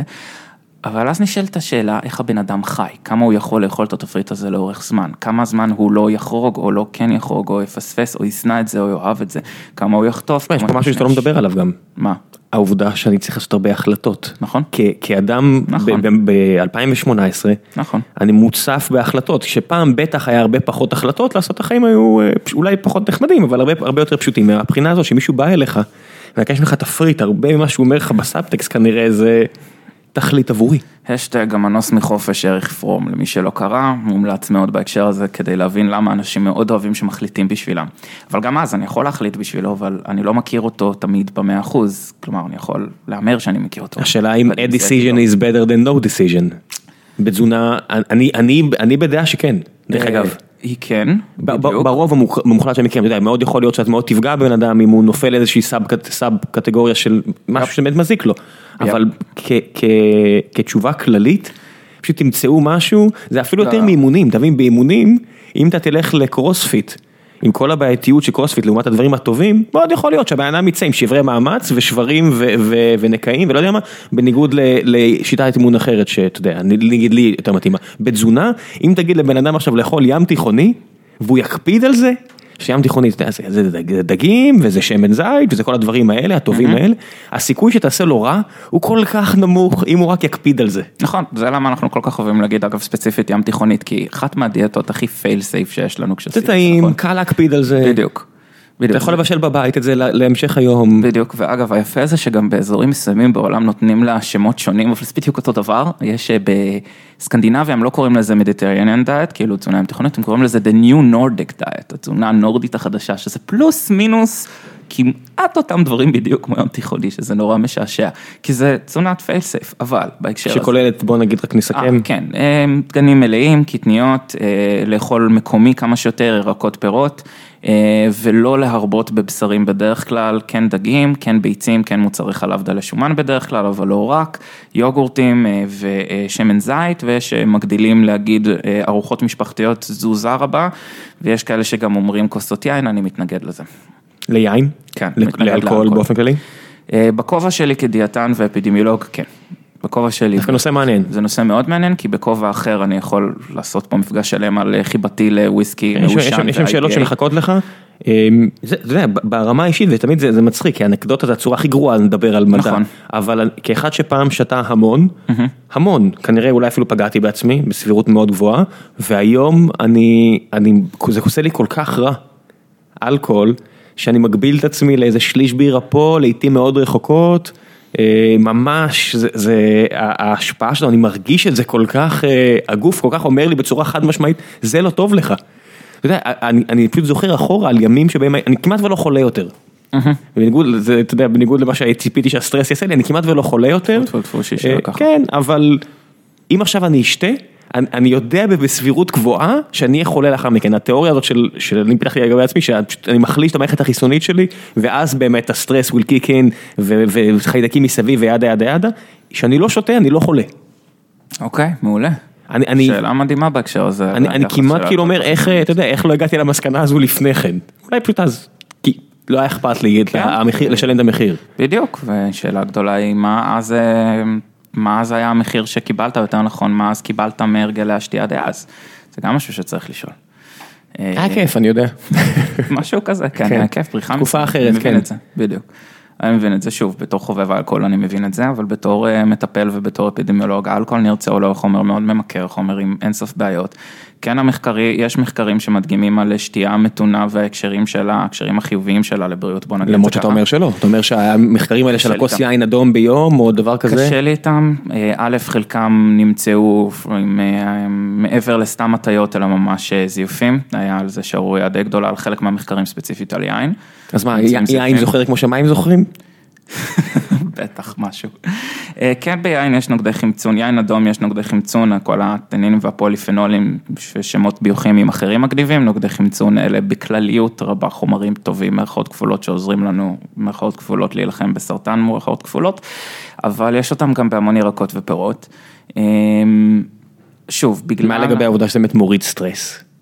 יש כל כך הרבה דרכים להוריד סטרס שלא כוללים חומרים ממכרים שעושים לנו בעיות בכבד כן. וקשורים ללפחות חמישה או שישה סוגי סרטן בצורה ודאית, או בצורה חזקה מאוד, אה, שזה בכלל לא... כן, כן, על אותו מידה אפשר, שלם כן, על אותו. מידה אפשר לחזור שנות 50 וחברות הסיגריות שאומרות, תירגעו, תעשנו סיגריה. כן, בדיוק, על אותו בסיס או משהו כזה. אבל יין אדום עד היום, אנשים רציניים, לא יורם יוב- יורם יובל, פרופסור יורם יובל, שהוא נחשב, היה מישהו שמאוד כיף לי להאזין, והוא אפילו התארח בתוכנית, והלכתי לשמוע אותו מדבר, והוא אומר, תשתו קפה, תשתו יין אדום, תרוצו, דברים שכולם מסכימים עליהם, ואני אומר, הנה, יושב פה מולי בן אדם, ואומר, לא, יין אדום לא טוב. אתה יודע, עשו לי את אותו טריק הזה כשדיברו איתי על קרינה אלקטרומגנטית לא מייננת, ואמרו לי, אבל רגע, יש איזו פרופסור בתל אביב שאומרת שקרינה בלתי מייננת היא אימא לוי, פרופסור, ואתה פישר קטנצ'יק. רגע, רגע, רגע, מה, מה, מה. רגע, רגע. על קרינה בלתי מייננת, כן, הקרינה הזאת. שיש לנו אוקיי, עכשיו. ההגדרה, לא ניכנס. להגדרה של בל- בלתי מייננת, לא לא משנה הרמות של, לא משנה, תקראו, כן. לא ניכנס. זהו, גוגלת או תקראו את הפוסטים שלנו גדול בקטנה. נכון, אחלה. פתרון. כן, בטעות, אני גם כתבתי. שמה היא אמרה? שקרינה בלתי שקרינה? בלתי בקצרה, שיש סיבה לדאוג ויש סיבה אה, להשתמש בזהירות מונעת, ולכן אה, אל תשימו את הפלאפונים קרובים מדי לגוף שלכם. כן, אבל זה. לא, אבל יורם הוא לא, הוא לא, בוא נגיד, שאתה אומר לי על הפרופסורית ההיא מתל אביב, אני אומר, "אה, סבבה, נניח, זה לא משהו נפוץ מדי, העניין של יין אדום הוא הרבה יותר נפוץ מפרופסור יובל. נכון, ואז שוב, אה, תמיד צריך לשאול לא מה אנשים אומרים, אלא מה הדאטה אומר לנו, מה המחקר אומר לנו, ויותר מזה, מה, שוב, האימפליקציות. לי כאיש בריאות ציבור מהקטע הזה, אני הרבה יותר מודאג, אולי גם אה, כי ראיתי מה קורה לפעמים כשאני אומר את ההנחיה הזאת בריש גלי לאנשים של אין בעיה עם, לכאורה, אין בעיה עם כוס שתיים של אה, יין אדום ביום, לרוב הציבור בלי כפל מבצעים, מה שנקרא, כלומר בלי צבר נקודות לסוף שבוע, אלא ממש כוס אל שתיים תשתו ביום. המון, אל תשתו 14 ביום שבת, כן. כן, don't. עברנו. בדיוק. אז אה, הרבה אנשים שלא שותים מתחילים לשתות, או כי חושבים שזה ייתן להם בהכרח איזשהו יתרון, אני לא יודע אם זה כל כך טוב. אה, שוב, לאור הבעייתיות במחקרים האלה, לאור העובדה שהרבה פעמים ההשוואות בין השתי כוסות ליום לבין אפס כוסות ביום עשו היד בחירה של לכלול אה, אלכוהוליסטים משתקמים, אבסנטיז מה שנקרא, חבר'ה שמתנזרים.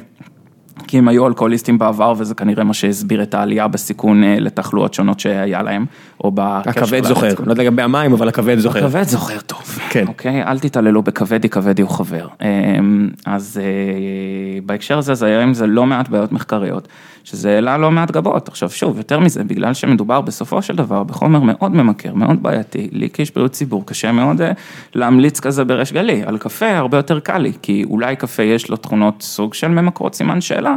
אה, אני רואה... באמת? יש סימן שאלה לגבי האם קפה ממכר או לא? זו שאלה של למה אנחנו קוראים ממכר, אה, שזו שאלה חצי פילוסופית. אם אני אפסיק עכשיו לגמרי לשתות קפה, האם תהיה השפעה או לא? אה, אתה מתכוון, יהיה לך תסמיני גמילה או לא? לזה אתה מתכוון? או השפעה כללית? השפעה כללית אפילו, כן, תסמיני גמילה. כן. תסמיני גלילה פחות. אה, השפעה- כללית, יש כאלה שיחוו כאבי ראש לכמה ימים או משהו בסגנון הזה, זה הכי נפוץ.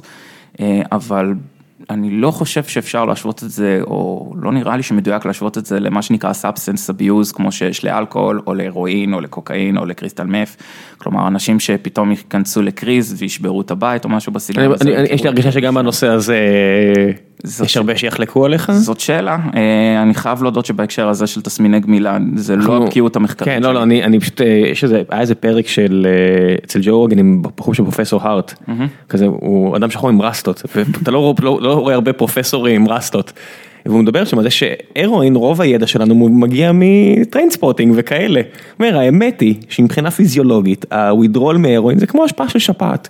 יש לך יום יומיים שפעת, המקבילה לשפעת. אה, זה גם ואז, טוב לדעת. כן, ואז זה עובר, אבל חוץ מהעובדה. שזה פסיכולוגית, רוב האנשים שם נמצאים במצב כל כך קשה, כשהם נכון. נרקומנים, שנורא נורא קל להכליל עליהם, אבל העובדה היא שהם כבר כל כך שבר כלי, שלא משנה מה היית עכשיו מביא להם, היית יכול להגיד, אה, תראה אותם, הם, הם לא יכולים להתמודד עם XYZ, לא, כי הם פשוט שבר כלי כרגע. זה אגב אחת הטעויות הכי מפורסמות בהקשר הזה של האם באמת סמים הם גרועים לנו בהקשר הזה, או מה כל כך רע בסמים, אבל זה כמובן. אבל עזוב, בוא לא, בוא לא נתפזר כן, ליותר מדי, אז בוא, בוא נעבור גם קצת, כי יש לנו הרבה שאלות מהקהל, ונראה לי זה. ימשיך את ה... אז יובל רותם שואל אותך מגרמניה, אמ, הרבה מה... הוא שאל פה הרבה שאלות, אבל התייחסנו לחלקן, אז השורה התחתונה, הוא אומר, מתי אנשים יקבלו מהמדע תוכנית סדורה ומוסכמת של מה בריא להם, בלי לצפות להפרחה כל כמה שנים. לעולם לא, מדע לא עובד ברמה כזאת של אבסולוטיזם. מדע זה דבר שמתקדם ובמדע אנחנו תמיד לוקחים בחשבון שמה שאנחנו אומרים מבוטל מחר, ככה מדע עובד. כרגע יש לנו איזושהי תוכנית סדורה, לא רעה בכלל לרוב האוכלוסייה הכללית הבריאה, כאמור, תתבססו על מים, ירקות, תנסו לאכול באופן כמה שיותר קרוב אה, למה שעובד לכם ברמה כזאת, כלומר אם אתם... אה, אני אשתמש בהומור טבעוני קרניסטים לגמרי, אז אל תהיו טבעונים, אם אתם אוהבים צמחים, אולי תשקלו אה, דפוס יותר מבוסס צומח או משהו בסגנון הזה. יש המון המון דפוסים להגיע לבריאות, מה לעשות שאין דרך אחת ושל כולנו לא אותם רובוטים אה, משוכפלים, אלא אנשים עם שונות עצומה ומטורפת, אבל אה, כן, תאכלו ירקות, נראה לי שזה יכול להיות נחמד. וחלבון, מספיק חלבון, כן. כן, שזה חשוב, לא יעזור כלום. כן, לא, לא יודע מה המקור שלו, אבל חלבון. אה, חלבון זה אחלה. יאן לזרוב שואל, אה, אם אני בן אדם ממוצע וצריך לבחור כלל אצבע אחד לגבי התזונה שלי בשביל לשמור על בריאות, אה, אז זה בעצם מה שאמרת. טוב. אה, או פשוט תגוון. הנה, עוד כן. דרך. תגוון ולא יותר מדי. נועה לחמן. שואלת, אם צריך לבחור רק וויסקי אחד, איזה וויסקי זה היה? וזה מצחיק שאתה אומר את זה אחרי... אה, אז לגבולין 16 ללא כל ספק. זה מתנת האל האנושות, זה או ראש בראש לטליסקר, לגמרי.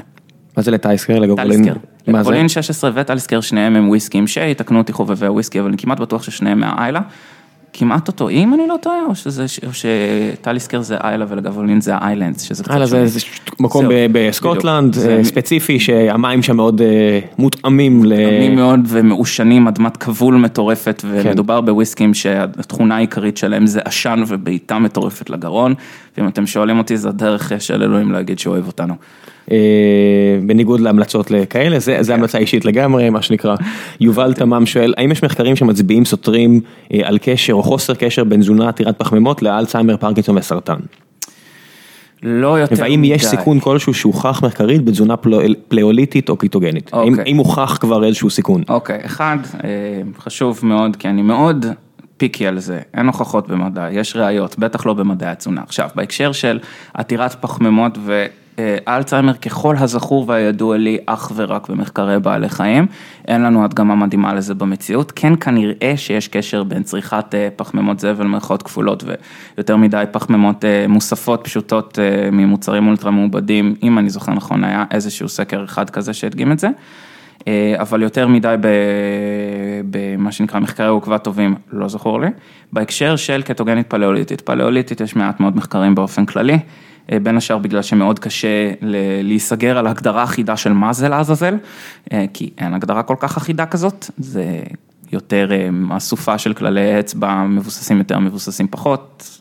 מבוססים פחות, אה, וקטוגנית כן, יש ראיות מחקריות מעניינות בהקשר של תזונה קטוגנית, א' על אפילפסיה, אבל ב' כבר עכשיו יש כל מיני ניסויים שנעשו לא רע, לא, לא מדהים, אבל לא רע בהקשר של אה, מניעת סוכרת והכל, ויש כבר כל מיני דיאטנים, אה, קולגות שהתחילו כבר לטפל בזה אה, בקדם סוכרת בעיקר, אבל לא רק, ובסוכרת סוג 2 גם.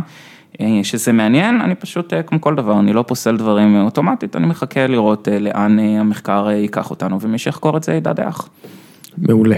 אה, איתמר שואל, האם יש לך המלצה למקור מהימן לנושאי תזונה? מדע גדול בקטנה כמובן, אבל אה, מעבר לזה אני כן אה, גאה להיות, מה עם איזה קבוצה בשם תשאלו דיאטנית? שאני בטעות מנהל. אה, יש כמה קבוצות אה, לתזונה שאני מקושר אליהן, שכמובן כנפוטיסט אה, מסריח אני אמליץ עליהן, כמו תשאלו דיאטנית, שהרעיון הוא באמת ש... אה, דיאטניות, אך ורק דיאטניות מורשות לענות שם, יש לנו מאגר נאה של דיאטניות, בעיקר שואלים אותנו שם על תזונת ילדים, אז אני בהחלט ממליץ גם על כל מיני אה, כן, שאלות הרבה. הרבה יותר כיף, הרבה יותר כיף אה, לעשות ניסויים פאקד אפ על עצמך מאשר על הילד שלך. כן, בדיוק, זה אחד. אה, יש כמובן, נפתחה קבוצה חדשה שלנו של מה עדיף, שאנחנו משווים אה, מוצרי מזון בסופר ואומרים אה, מה עדיף בעצם, חמת בוטנים כזאת או כזאת, אה, דגנים כאלה או כאלה, או כל מיני כאלה.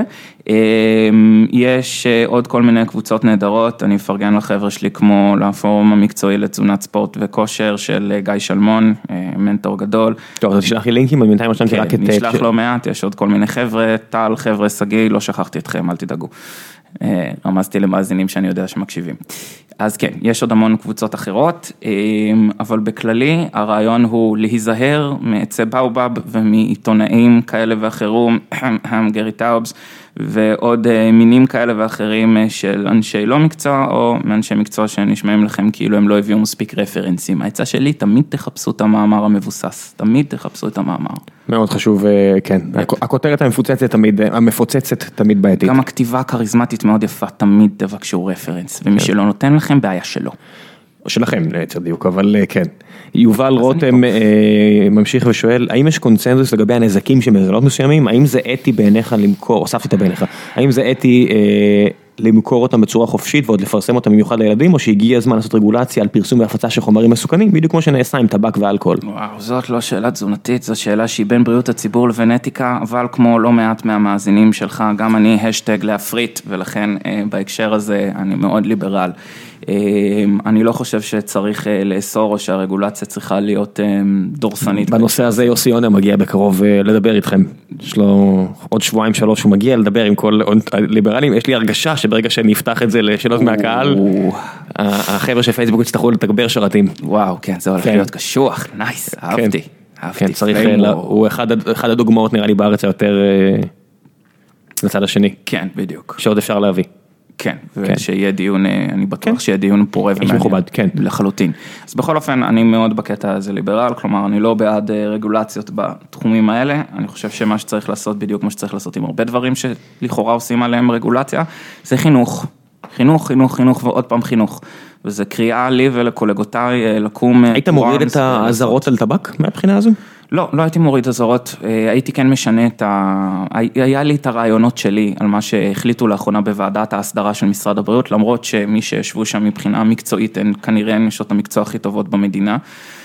או בין נשות המקצוע הכי טובות במדינה בתזונה, שלא לדבר על כמה שם ברמה עולמית ויותר מזה, שהחליטו בנוגע למודל הצ'יליאני, מה שנקרא, של סימונים ירוקים או אדומים בהקשר של מזון טוב, מזון לא טוב. יש לי את ההשגות שלי בקשר לזה, אבל זה דיון ארוך מדי, יש על זה כן פוסט במדע גדול בקטנה שהרצתי על זה. למי שרוצה. אז בהקשר הזה, שוב, אידיאולוגית קשה לי לאסור, אני כן רוצה לחנך, אני כן רוצה לתת אזהרות, אני לא חושב נניח שצריך להוריד את האזהרות המפחידות על סיגריות, אבל אני לא חושב שמחויב בהכרח להפוך את זה ללא חוקי בהקשר הזה, כי זה פותח. זה לא חוקי, פשוט שעל שקית של במבה יהיה, אתה יודע, שקית של ביסלי, יהיה איזה אזהרה כזאת של, אתה יודע, תקשיבו, זה לא לעניין. זהו, אז על זה עובדים, בהקשר הזה שלי, יהיה על זה פתקית אדומה, שאומרת, יש בזה ים בנתרן וים בדברים נוספים. אבא, תיזהר לפני שאתה מביא את זה לילד, משהו כזה. אני יודע. או קח בחשבון, בוא נגיד את זה ככה, קח בחשבון כי שוב. קח בחשבון, בוודאי, נכון. עכשיו, זה מזכיר לי בדיוק נקודה מאוד חשובה לך, למאזינים ובכלל. כמעט אף פעם זה לא במוזון הבודד, זה עניין של הדפוס. בוודאי. יש דפוסים בריאים שכן, יהיה בהם במבה או רחמנא ליצלן, אפילו משקה קל. ועדיין הבן אדם יהיה עם סיכויים מספיק טובים ללא לפתח תחרות. ברור, אני מכיר בן אדם שעושה איירון מנים, אז שהוא מסיים זה, אז הוא מפרק פיצה שלמה, ואתה אומר, לך תגיד לו שהוא לא חי, אתה יודע, אנשים יגידו, אבל ריצה זה לא בריא. איירון מן זה... לא, זה באמת שריטה אחרת לגמרי, אבל הנקודה היא ש... גם הטהרנות הזאת של לא מאמין שהבאת לו ביסלי וזה כזה טוב טוב. אני כל כך שונא את זה. סיבוב פרסה צא מפה. בדיוק, זה אני לא סובל שדוחפים את האף בהקשר הזה. אז ישראל. זה ישראל. כולם אומרים לך איך לנהל את העסק, איך לגדל את הילד, איך להתאמן במכון, ברור. כן. ואם את נראית טוב במכון, אני מניח שכמות העצות גדלה פי ארבע. אוי, אוי, אוי. כן, רחמים אנשים במכון כושר. אני לא אומר את זה בגרם של סרקזם. כן, לחלוטין. כן, פה יש ליד איזה מכון כושר, תמיד אני אומר לעצמי. מזל שזה, אתה מסכם, אתה אומר, לא כיף, לא משנה. ניל בר מקבוצה מוצלחת אחרת, מהיסטוריה גדולה בקטנה, שואל, נשים בצד, יש להם אפילו פודקאסט, אולי זה הגיע הזמן לספר, יש להם פודקאסט חדש, כמה פרקים כבר, תנו צ'אנס, תאזינו, ספרו לחברים. תנו צ'אנס ותאזינו ותגידו לעודד שהוא חייב לי פודקאסט, הוא יודע על מה הוא מדבר. בבקשה. כן. אז לא, אני אומר את זה לכל המאזינים, אז יש להם היסטוריה גדולה בקטנה, פודקאסט חדש, אז הנה, צריך לתת, צריך לעזור. מפרגנים. לגמרי. אז ניל בר שואל, נשים בצד רגע את העניין המוסריות וכל המסביב, שזה צריך לעשות את זה כנראה, אם זה מדע, למרות שזה לא קל, בצורה אובייקטיבית, קולנית ולא פרטנית. האם אפשר לומר שתזונה טבעונית יותר בריאה מאכילת בשר ומוצרי חלב? שאלה קשה, קשה לי להגיד יותר בריאה. האם תזונה טבעונית מאוזנת ומותאמת טובה יותר מתזונה שיש בה בשר, חלב וכו' בתזונה מאוזנת וטובה וכן הלאה? לא ראינו בינתיים הבדל כזה. אנחנו כן רואים שלתזונה טבעונית כזו או אחרת, יש בדרך כלל יתרונות על תזונה מה שנקרא מערבית טיפוסית או אמריקאית טיפוסית, זה כן. זה יש כמה וכמה מחקרים שמראים את זה, לפחות שניים מהם די טובים. אפיק ו-HS מי שרוצה, למרות שאפשר לבקר חלק מהמתודולוגיה שלהם, אני יכול להגיד לכם שלפחות של ה-HS המתודולוגיה שלהם ממש סבבה יחסית. אז בהקשר הזה של להגיד, מבלי הקטע המוסרי, באופן כללי, לא, אני לא יכול עדיין להגיד את זה עם כל תמיכתי בעסק, עם כל העובדה שאני חוקר את זה, חי את זה בצורה כזו או אחרת. אני חייב להיות נאמן לדאטה, לא, ים תיכוני שיש בה בשר והיא מאוזנת, אנחנו לא מכירים עדיין הבדל לכאן או לכאן מי יותר טוב. אוקיי, עכשיו שוב קצת שאלות על ערן, כי זה בעצם היה המוטיב לפרק, אז יש פה גם את תמיר מאירי ש... יש לו איזשהו אינטרס כלכלי בהצלחת day 2, אז צריך לשים את זה, וגם בהצלחה. יצחק קרומביין שלא קשור לעניות דעתי לחברה, שניהם כותבים בעצם על הביקורת שלך, אז תמיר אומר, בהתחשב בזה שיש לך הרבה ביקורת, האם אתה מתכנן לערוך מחקר בנושא שלא תהיה לו ביקורת, כאילו בנושא שלא, שיפריך או... אני מניח שזו השאלה, האם, האם אתה מתכנן לערוך מחקר בנושא שלא תהיה לו ביקורת עליו, זו שאלה אחת, ויצחק שואל, האם בעיניו המחקרים של ערן סגל מדעיים, אה, ויש עליהם מחלוקת, כמו כל מדע בעצם, או שהם בגדר מחקרים במרכאות של מתנגדי חיסונים, פסודו מדע נגד אה, קונצנזוס מדעי מובהק. אוקיי, רחמנא ליצלן, דבר ראשון, לא כל כך הבנתי את השאלה הראשונה של אה, תמיר, או משהו בסגנון, האם אני מתכנן לעשות... האם יש לך איזשהו מחקר שמפריך את הטענות של? שמפריך את הטענות. אני לא- מניח, אני לוקח פה פרשנות אישית, אני מקווה שאני לא מעוות את אוקיי, הכוונה המקורית. כן, כי באמת שלא הבנתי בהקשר כן, הזה לא, לא, של... שמחקר שמפריך זה שוב, איזה אחת מהטענות, יש פשוט מה לעשות, כמו כל מחקר מדעי, וזה בדיוק אה, עונה יותר לשאלה של קומביין, ממש לא פסאודו מדע, ממש לא מדובר במחקרי אה, אוי ואבוי, אה, מה, מה זה השטות הזאת שיש לנו הרבה פעמים באמת בעולם המתנגדי חיסונים, ממש לא פסאודו מדע, זה מדע מצוין. אבל כמו כל אה, מחקר הוא ראוי לביקורת, בדיוק כמו שהמחקרים שלי והוא, אה, יש מה לדבר על המתודולוגיה שאני עשיתי בתזה שלי, או מה שהקולגות שלי עשו במחקר הטבעונות הישראלי בוויס. אה, ומה שעושים בכל מחקר, אין מה לדאוג מביקורת, יש בוודאי ביקורת, גדלי מדגם קטנים, אה, זמן קצר, אה, הנחות השפעה לדוגמה במחקר הלחם, ההנחה שלחם תוך שבוע ישפיע על מדדי כבד או אינסולין או דברים כאלה, זה הנחות קצת בעייתיות. להגיד שסכרין גורם ל... או לרמז על קשר בין סחרין לבין אה, מאי סבילות לאינסולין אה, בהקשר הזה, לתנגודת לאינסולין מה שנקרא. כשיש לנו מדגם יחסית קטן של בני אדם שהיה בזה בשימוש, זה טיפה בעייתי, להעביר חיידקים מבני אדם לעכברים ולקבוע כתוצאה מזה קשר סיבתי הכרחי לבני אדם זה בעייתי, להתבסס על מחקר אחד או כמה מחקרים מאותה קבוצה, אין לנו consistency בהכרח בהקשר הזה, אז זה עדיין בעייתי לקבוע על איזה קשר סיבתי, כי זה חלק מהסיבתיות. קיצר, יש ביקורות, הן ביקורות לגיטימיות, הן בסדר, זה לא עכשיו להגיד שהמחקר הזה גרוע, או אסור להתעלם, או צריך להתעלם ממנו, שטות כזאת, ממש לא. זה ביקורת, כמו, כל, כמו, כמו כמו שיש לנו בכל אה, אפקט מדעי, וזה בסדר. אוקיי, okay, אמ, ירין שואל, אמ, אני חושב, מה המצב? הוא אומר, האם תוכל לפרט אה, על השפעת הצום והצום לסירוגין על הגוף שלנו, האם הוא באמת גורם לאוטופגיה? אוטופגיה. אוטופגיה ולשחרור מוגבר של הורמוני גדילה. אז בקשר ל... אז רגע קצת להסביר בהקשר הזה.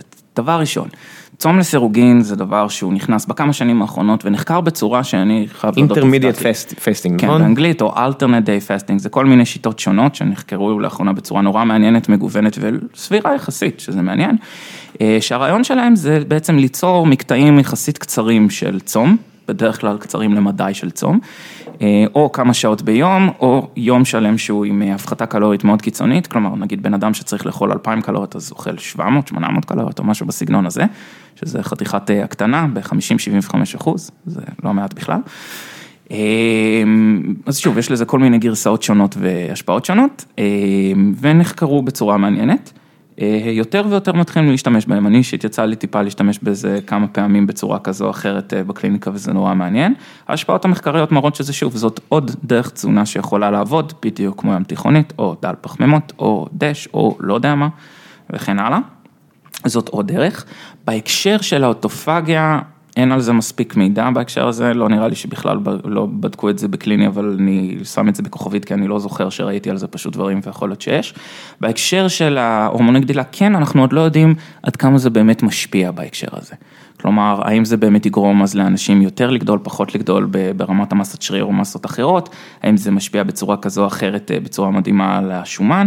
היה על זה כמה דברים לאחרונה, אבל לא נראה לי שזה עדיין דברים קונקלוסיב. בכל אופן, מי שרוצה להתנסות בזה, עדיף לעשות את זה עם איש מקצוע בצורה מוקפדת, ולראות אה, למה בכלל לעשות את זה. אוקיי, okay. ערן שואל אה, שאלה הרבה יותר רצינית מהשאלה על הצום, הוא אומר מה דעתך על במבה מיושנת, כזו שהייתה פתוחה כמה ימים, השילוב של החמצן משפר את הערכים התזונתיים? במבה מיושנת עם מזון האלים, כנראה שאין לנו איזושהי השפעה מדהימה על הוויטמינים בהקשר הזה, אם כבר חלקם התחמצנו עם מספיק חשיפה לחמצן, אבל אה, אה, זה מזון האלים ואני ממליץ על זה בחום, סתם, אה, כן, אבל זה טעים, אני אוהב. אלון רזניק שואל, אה, זו השאלה שאלת על טרור, על האדמה, אה, אומר האם, אה, האם תזונאים מושפעים אה, בעצם מהאקלים הציבורי שבו הם נמצאים, זאת אומרת האם תזונאי צרפתי ימליץ על דיאטה אחת, מתזונאי סיני, יפני וכו'. כן, יש השפעה, היא לא בדיוק אקלים התזונתי ספציפית כמו אקלים המדעי מסביב, ומה שבן אדם מתעדכן ממנו ספציפית, מה שאוהבים לדבר עליו מבחינה אה, זה, כן, האידיאולוגיה משפיעה בהחלט הרבה פעמים, לא בצורה שעכשיו אה, אה, תשפיע בהכרח, אני רוצה להאמין שהאידיאולוגיה המדעית נקרא לזה, היא הדבר שמשפיע, או אנחנו כן רואים, זה, זה דבר שמעניין לחקור אותו מבחינת פילוסופיה של המדע, שיש לי קולגות שהמחקר שלהם, שהמשיכו אחרי זה לתארים שניים ודוקטורט, והמשיכו וחקרו בעיקר אין ויבו, מה שנקרא מחקרי בעלי חיים, שחקרו כל מיני מנגנונים וכאלה, ומושפעים מאוד מהחקירה המנגנונית שלהם. אז ההמלצות שלהם הרבה פעמים מבוססות על זה, ואז אני שואל את השאלה, האם זה מדע טוב? אפשר להתווכח, אבל אולי הם מכירים משהו שאני לא מכיר, וכו' וכו' וכו'. אה, אפידמיולוגים יושפעו בצורה כזו או אחרת, אפידמיולוגים שחקרו X יושפעו קצת מ-X אה, וכן הלאה. זאת שאלה מעניינת שאנחנו עוד לא יודעים לענות עליה to which extent ועד כמה, אה, וכאילו, עד כמה אנשים מרשים לעצמם לברוח מהקונסנזוס וכמה. אה, במיוחד כשהקונצנזוס כל כך רחב, על כל כך הרבה דיאטות שונות ועל כל כך זה, אבל אני לא יכול לבטל את העובדה שכן יש השפעה. אז הנה משהו שנראה לי יהיה לך תשובה יותר החלטית עליו, אחרי הרבה מאוד תשובות מסתייגות כמו, כל, או כמו רוב המומחים שמגיעים לכאן. Yes. אה, עודד שואל, מה אתה חושב על נוטורופטים הומואפטים? אני מניח שהוא יודע שאתה לא, לא מהחובבים ובגלל זה הוא שאל. הנחה, אוקיי, אני אסביר כאן משהו. גילוי נאות, אני גם מרצה מדי פעם במכללת רידמן, כשאני מנסה להסביר. שמכללת רידמן זה המקום. זה אחד המקומות שבהם הומואפטים, נוטורופטים, אורטומולקולריים וכיוצא בזה מקבלים את החינוך שלהם. אני גאה בזה כי אני מנסה להחדיר לשם את האני מאמין המדעי שלי כמה שיותר, ואת הרעיון הזה של מה זה שיטה מדעית ומה זה, פרק, מה זה פרקטיקה מבוססת ראיות. יותר מזה אני גאה להיות זה שאשכרה מעביר להם קורס שאצלם הוא חדשני, והוא קורס בקריאת מאמרים וניתוח, ואני אפילו מלמד אותם קצת סטטיסטיקה, רחמנא ליצלן, כן, כן. אה, ואני גאה בדברים האלה, כי שוב, הבעיה הגדולה שלי זה שאין לי בעיות עם זה שיש עוד גישות חוץ מהגישה המדעית. באמת שאין לי בעיות עם זה, בבקשה, בני אדם יכולים להאמין במה שהם רוצים, אם זה עושה להם טוב. השאלה הגדולה היא כאן, היא העיקרון הראשי ברפואה, פרימום נון נוקרה, ראשית כל, אל תזק. אם אנשים עושים לעצמם, אה, מטפלים באחרים, ואומרים לעצמם דברים שאין לי דרך לוודא אותם, או אין להם דרך לוודא אותם, זולת זה עובד לי, או שמעתי שזה עובד, או משהו בסגנון הזה, זה מעלה שאלה גדולה מאוד, כי אנחנו חייבים איזושהי דרך לוודא שמה שנעשה בכלל לא פוגע באנשים, אחרת אנחנו מרשים פגיעה. עכשיו, הומואפתיה, יש לי על זה כבר סרטון במדע גדול בקטנה, שכבר הדגמנו מה דעתנו באופן כללי על השיטה.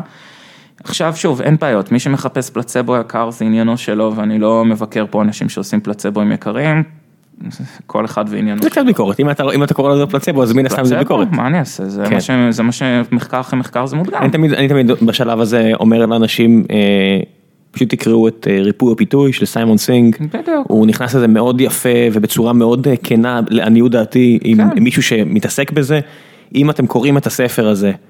אה, ואתם עדיין חושבים אחרת או שזה אז אה, מה שנקרא הכל בסדר. אבל אני באמת חושב שזה ספר חובה לכל מי ש... ספר, אני מסכים. לכל מי שרוצה להתנסות ברפואה אלטרנטיבית, אני מרגיש שזה ספר, אה, באופן כללי, רוב הספרים של סיימון סינג אני מאוד מאוד מאוד ממליץ עליהם, על כולם, אני חושב שיש חמישה, אז על, על כל החמישה, המשפט האחרון של פרמה, והמפץ הגדול, וזה של ההצפנה, וסודות סודות ההצפנה זה נקרא בעברית אני חושב, לא זוכר. וריפוי או פיתוי, ולא זוכר מה היה החמישי, אבל ריפוי או פיתוי הוא מאוד חשוב. כי בניגוד לקצת אה, מדע פופולרי אה, אנקדוטיאלי על מתמטיקה או פיזיקה, שזה כיף ומעניין, לריפוי פיתוי יש אפליקציה מאוד מאוד ממשית על חייכם. כי יום אחד הרופא משפחה שלכם ייתן לכם המלצה לטיפול הומואפתי, ונגידו אוקיי, הרופא הביא את זה. ואני מניח שרובכם לא יודעים בכלל מה זה הומואפתיה. אה, אתם שמעתם את המונח הזה, אתם יודעים שזה קשור למים, וכשאומרים לכם שזה מים עם סוכר, זה לא נכון. או אלכוהול. כי אין סוכר, יפ. זה מים. Uh, התיאוריה של הומואפתיה אומרת uh, באופן כללי על רגל אחת, ואני מצטער אם אני עכשיו פוגע ברגשות של אנשים שזה מאוד קרוב לליבם ואני מכיר וחלק מהם קרובים אליי מאוד, שכדי להילחם במשהו אתה צריך להביא איזשהו יסוד או חומר טבעי. דומה בדומה. דומה בדומה, ולמשל אתה לוקח, אה, היום משתמשים בכבד אווז לכל מיני דברים, אה, או מתכות או מינרלים כאלה ואחרים, ולוקחים קמצוץ מזה ומועלים אותו במים, ומועלים. ומועלים, ומועלים, ומגיעים למצב שמה שאתם קונים, אין בו כלום, ממש אין בו כלום. יש בו מים, אבל הנה הנקודה. מה שאמרת על הפלצבו, ובגלל זה אני מאוד אוהב את הספר של סיימון סגת ריפוי הביטוי. הוא מנתח גם, גם, המיסו, גם הביטוי פלצבו, אנחנו משתמשים בו המון, ואנחנו לא מודעים לכמה חזק הוא. נכון.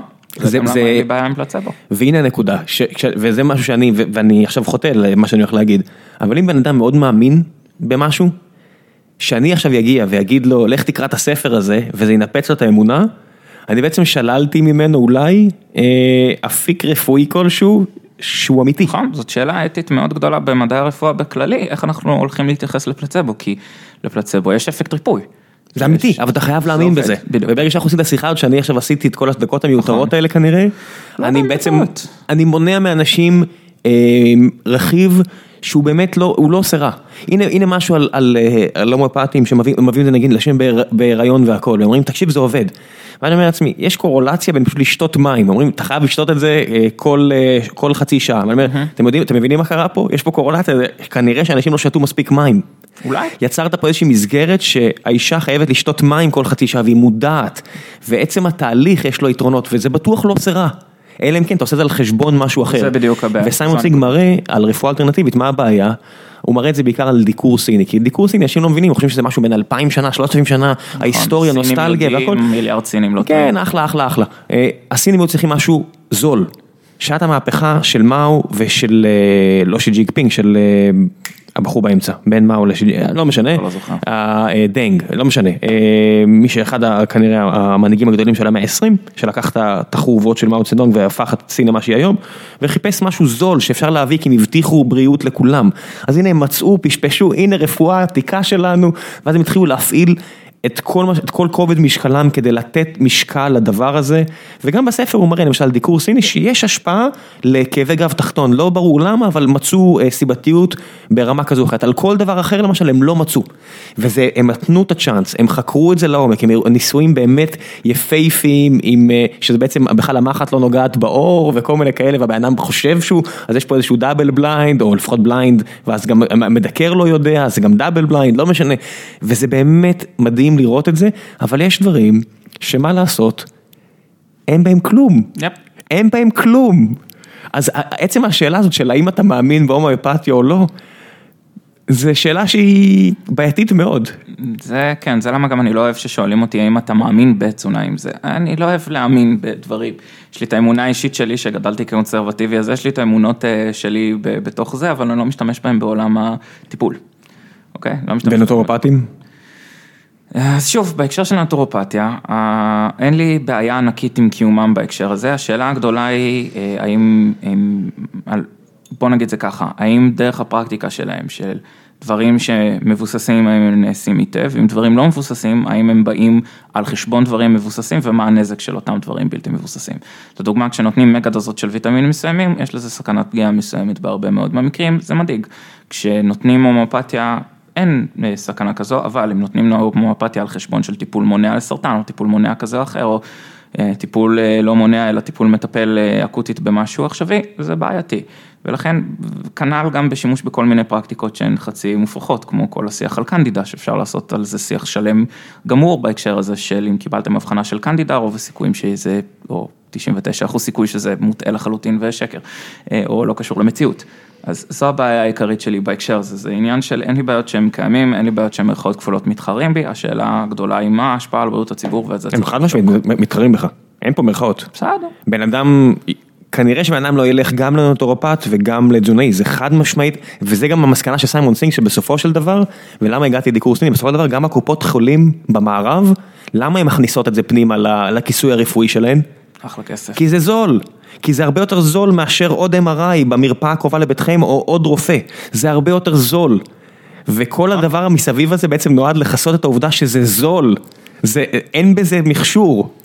מלבד ההכשרה ב- בריידמן, בכל מקום אחר, זה זול. נכון. זה הכל. מדע אמיתי זה דבר יקר. מאוד.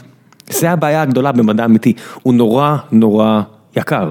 כן, שהנה פיזיקאים תעשו לנו MRI יותר זול בבקשה, זה מה זה יעזור לכולנו. זה, זה בין השאר, אבל בסופו של דבר זה אחד מהדברים, ואנשים, הספר הזה באמת המלצה מאוד מאוד חמה, תבינו בעצם את ההתגלגלות של רפואה אלטרנטיבית, והמלצה מאוד חמה מהפרק הזה. לגמרי. ובוא נעבור באמת להמלצות, איזה המלצה יש לך? המלצות כלליות, וואו, אז על וויסקי כבר דיברנו, על אה, בירות אני אפרגן לביר בזאר, על, אה, אה, נו, יש לי כל כך הרבה דברים להמליץ עליהם תרבותית בראש, אז מבחינת ספרים, הספר שירה האחרון ששוחרר של אין טור מלכה נהדר וגם... אתה תביא לי לינקים? מה זה? אתה תביא לי לינקים? אני אשתדל, כן. כל הדברים שחביבה פדיה כתבה אי פעם, היא המנטור שלי בכל דבר שקשור לשירה, הגות, תרבות וספרות. בהקשר של תזונה, אני אגיד דווקא לקרוא את הספרים של מריון נסל. ולא רק כל החבר'ה שרוצים לקרוא עוד על השפעות מעניינות פוליטיות ואיך באמת תזונה ופוליטיקה עובדות ביחד, בהקשר במיוחד של, של מה שקרה ב-2015 עם ההמלצות של ה-USDA, שזה דבר מרתק לגבי מה שקרה שם, וניצחון חלקי ללוביסטי המזון, הידד, סמיילי עצוב, נביא לינקים גם לזה, שזה נורא מעניין. מה עוד היה לי בראש בהקשר הזה? אז לפני שאתה מוצא, אני גם אתן המלצה משלי על גוף תקשורת חדש בשם שקוף, תומר אביטל דיבר איתי עליו השבוע, והסתכלתי, וזה יופי של דבר, גם אתר מאוד יפה ויזואלית, הרבה כתבות, הרבה מידע למען הציבור, יש שם מקום אם אתם רוצים לתרום, אם אתם רואים לנכון ואתם מרגישים שיש בזה אינטרס ציבורי, אני ממליץ, אני אשים לינק, תסתכלו, תראו, הם עושים עבודה לעניות דעתי מאוד חשובה. וככל שהעיתונות תלך ותיחלש כי... כן, העיתונות... כי ככה, לא כי, כי יש להם בעיה עם המודל הכלכלי שלהם, אז כנראה נכון. זה ילך ויותר למקומות האלה, ואני מקווה שיקומו אנשים שיראו בזה שליחות, כמו שאתם רואים במדע, אז החבר'ה שיראו בדברים האלה. נכון. שקיפות זה אחד הדברים שאני חושב ש... הכי חשוב. כן, יש גם קונסנזוס נורא גדול מסביבם. כן, זה אמור להיות דבר אתי, זה למה שוב, אני כאן דיברתי מאוד בבירור על ממי אני אקבל כסף וממה כשאני מדבר על עניינים כאלה ואחרים. אז אני אשים את העניין של שקוף, גם את הלינק ועוד המלצות שלך. זרוק לי רעיונות בקטע הזה של זה, למרות שאני רואה את ריק ומורטי מולי וכולכם רואים ריק ומורטי ואני מקווה שלכל המאזינים כבר יש לייק על מדע גדול בקטנה ושיתוף ופולו וסי פרסט ואתם עושים לנו לייקים כל הזמן ומהללים את שמנו כי אנחנו אדירים. אז זה כבר טוב, דווקא עולה לי מחשבה על מוזיקה כזו או אחרת שאני מנסה לראות מה כדאי לי להמליץ. נו. בלה, תומר לביא, כן, נמליץ על תומר לביא, הוא צעיר, הוא מגניב, הוא עושה אינדי מגניב. אז אני זורק. אל תשכח להביא לי לינקים. אני לא אשכח. אני ארשום עצמי תומר לביא. יס. מעולה. אדם, תודה רבה רבה רבה שבאת, אני מקווה שאנשים... אני מקווה, זזנו פה אסוציאטיבית ויש לי עוד כל כך הרבה מה להגיד על כל כך הרבה דברים. זה יופי, אנחנו לא הולכים לשום מקום, תומר לביא. בכיף, רק תגידו. אנחנו נביא אתכם, אנחנו אוהבים את החבר'ה של מדע גדול את כולכם. אנחנו אוהבים אתכם, יופי. הדדיות מפרה. יופי, יאללה, בן אדם, תודה רבה שוב. תודה לכם. ביי ביי. יאללה ביי.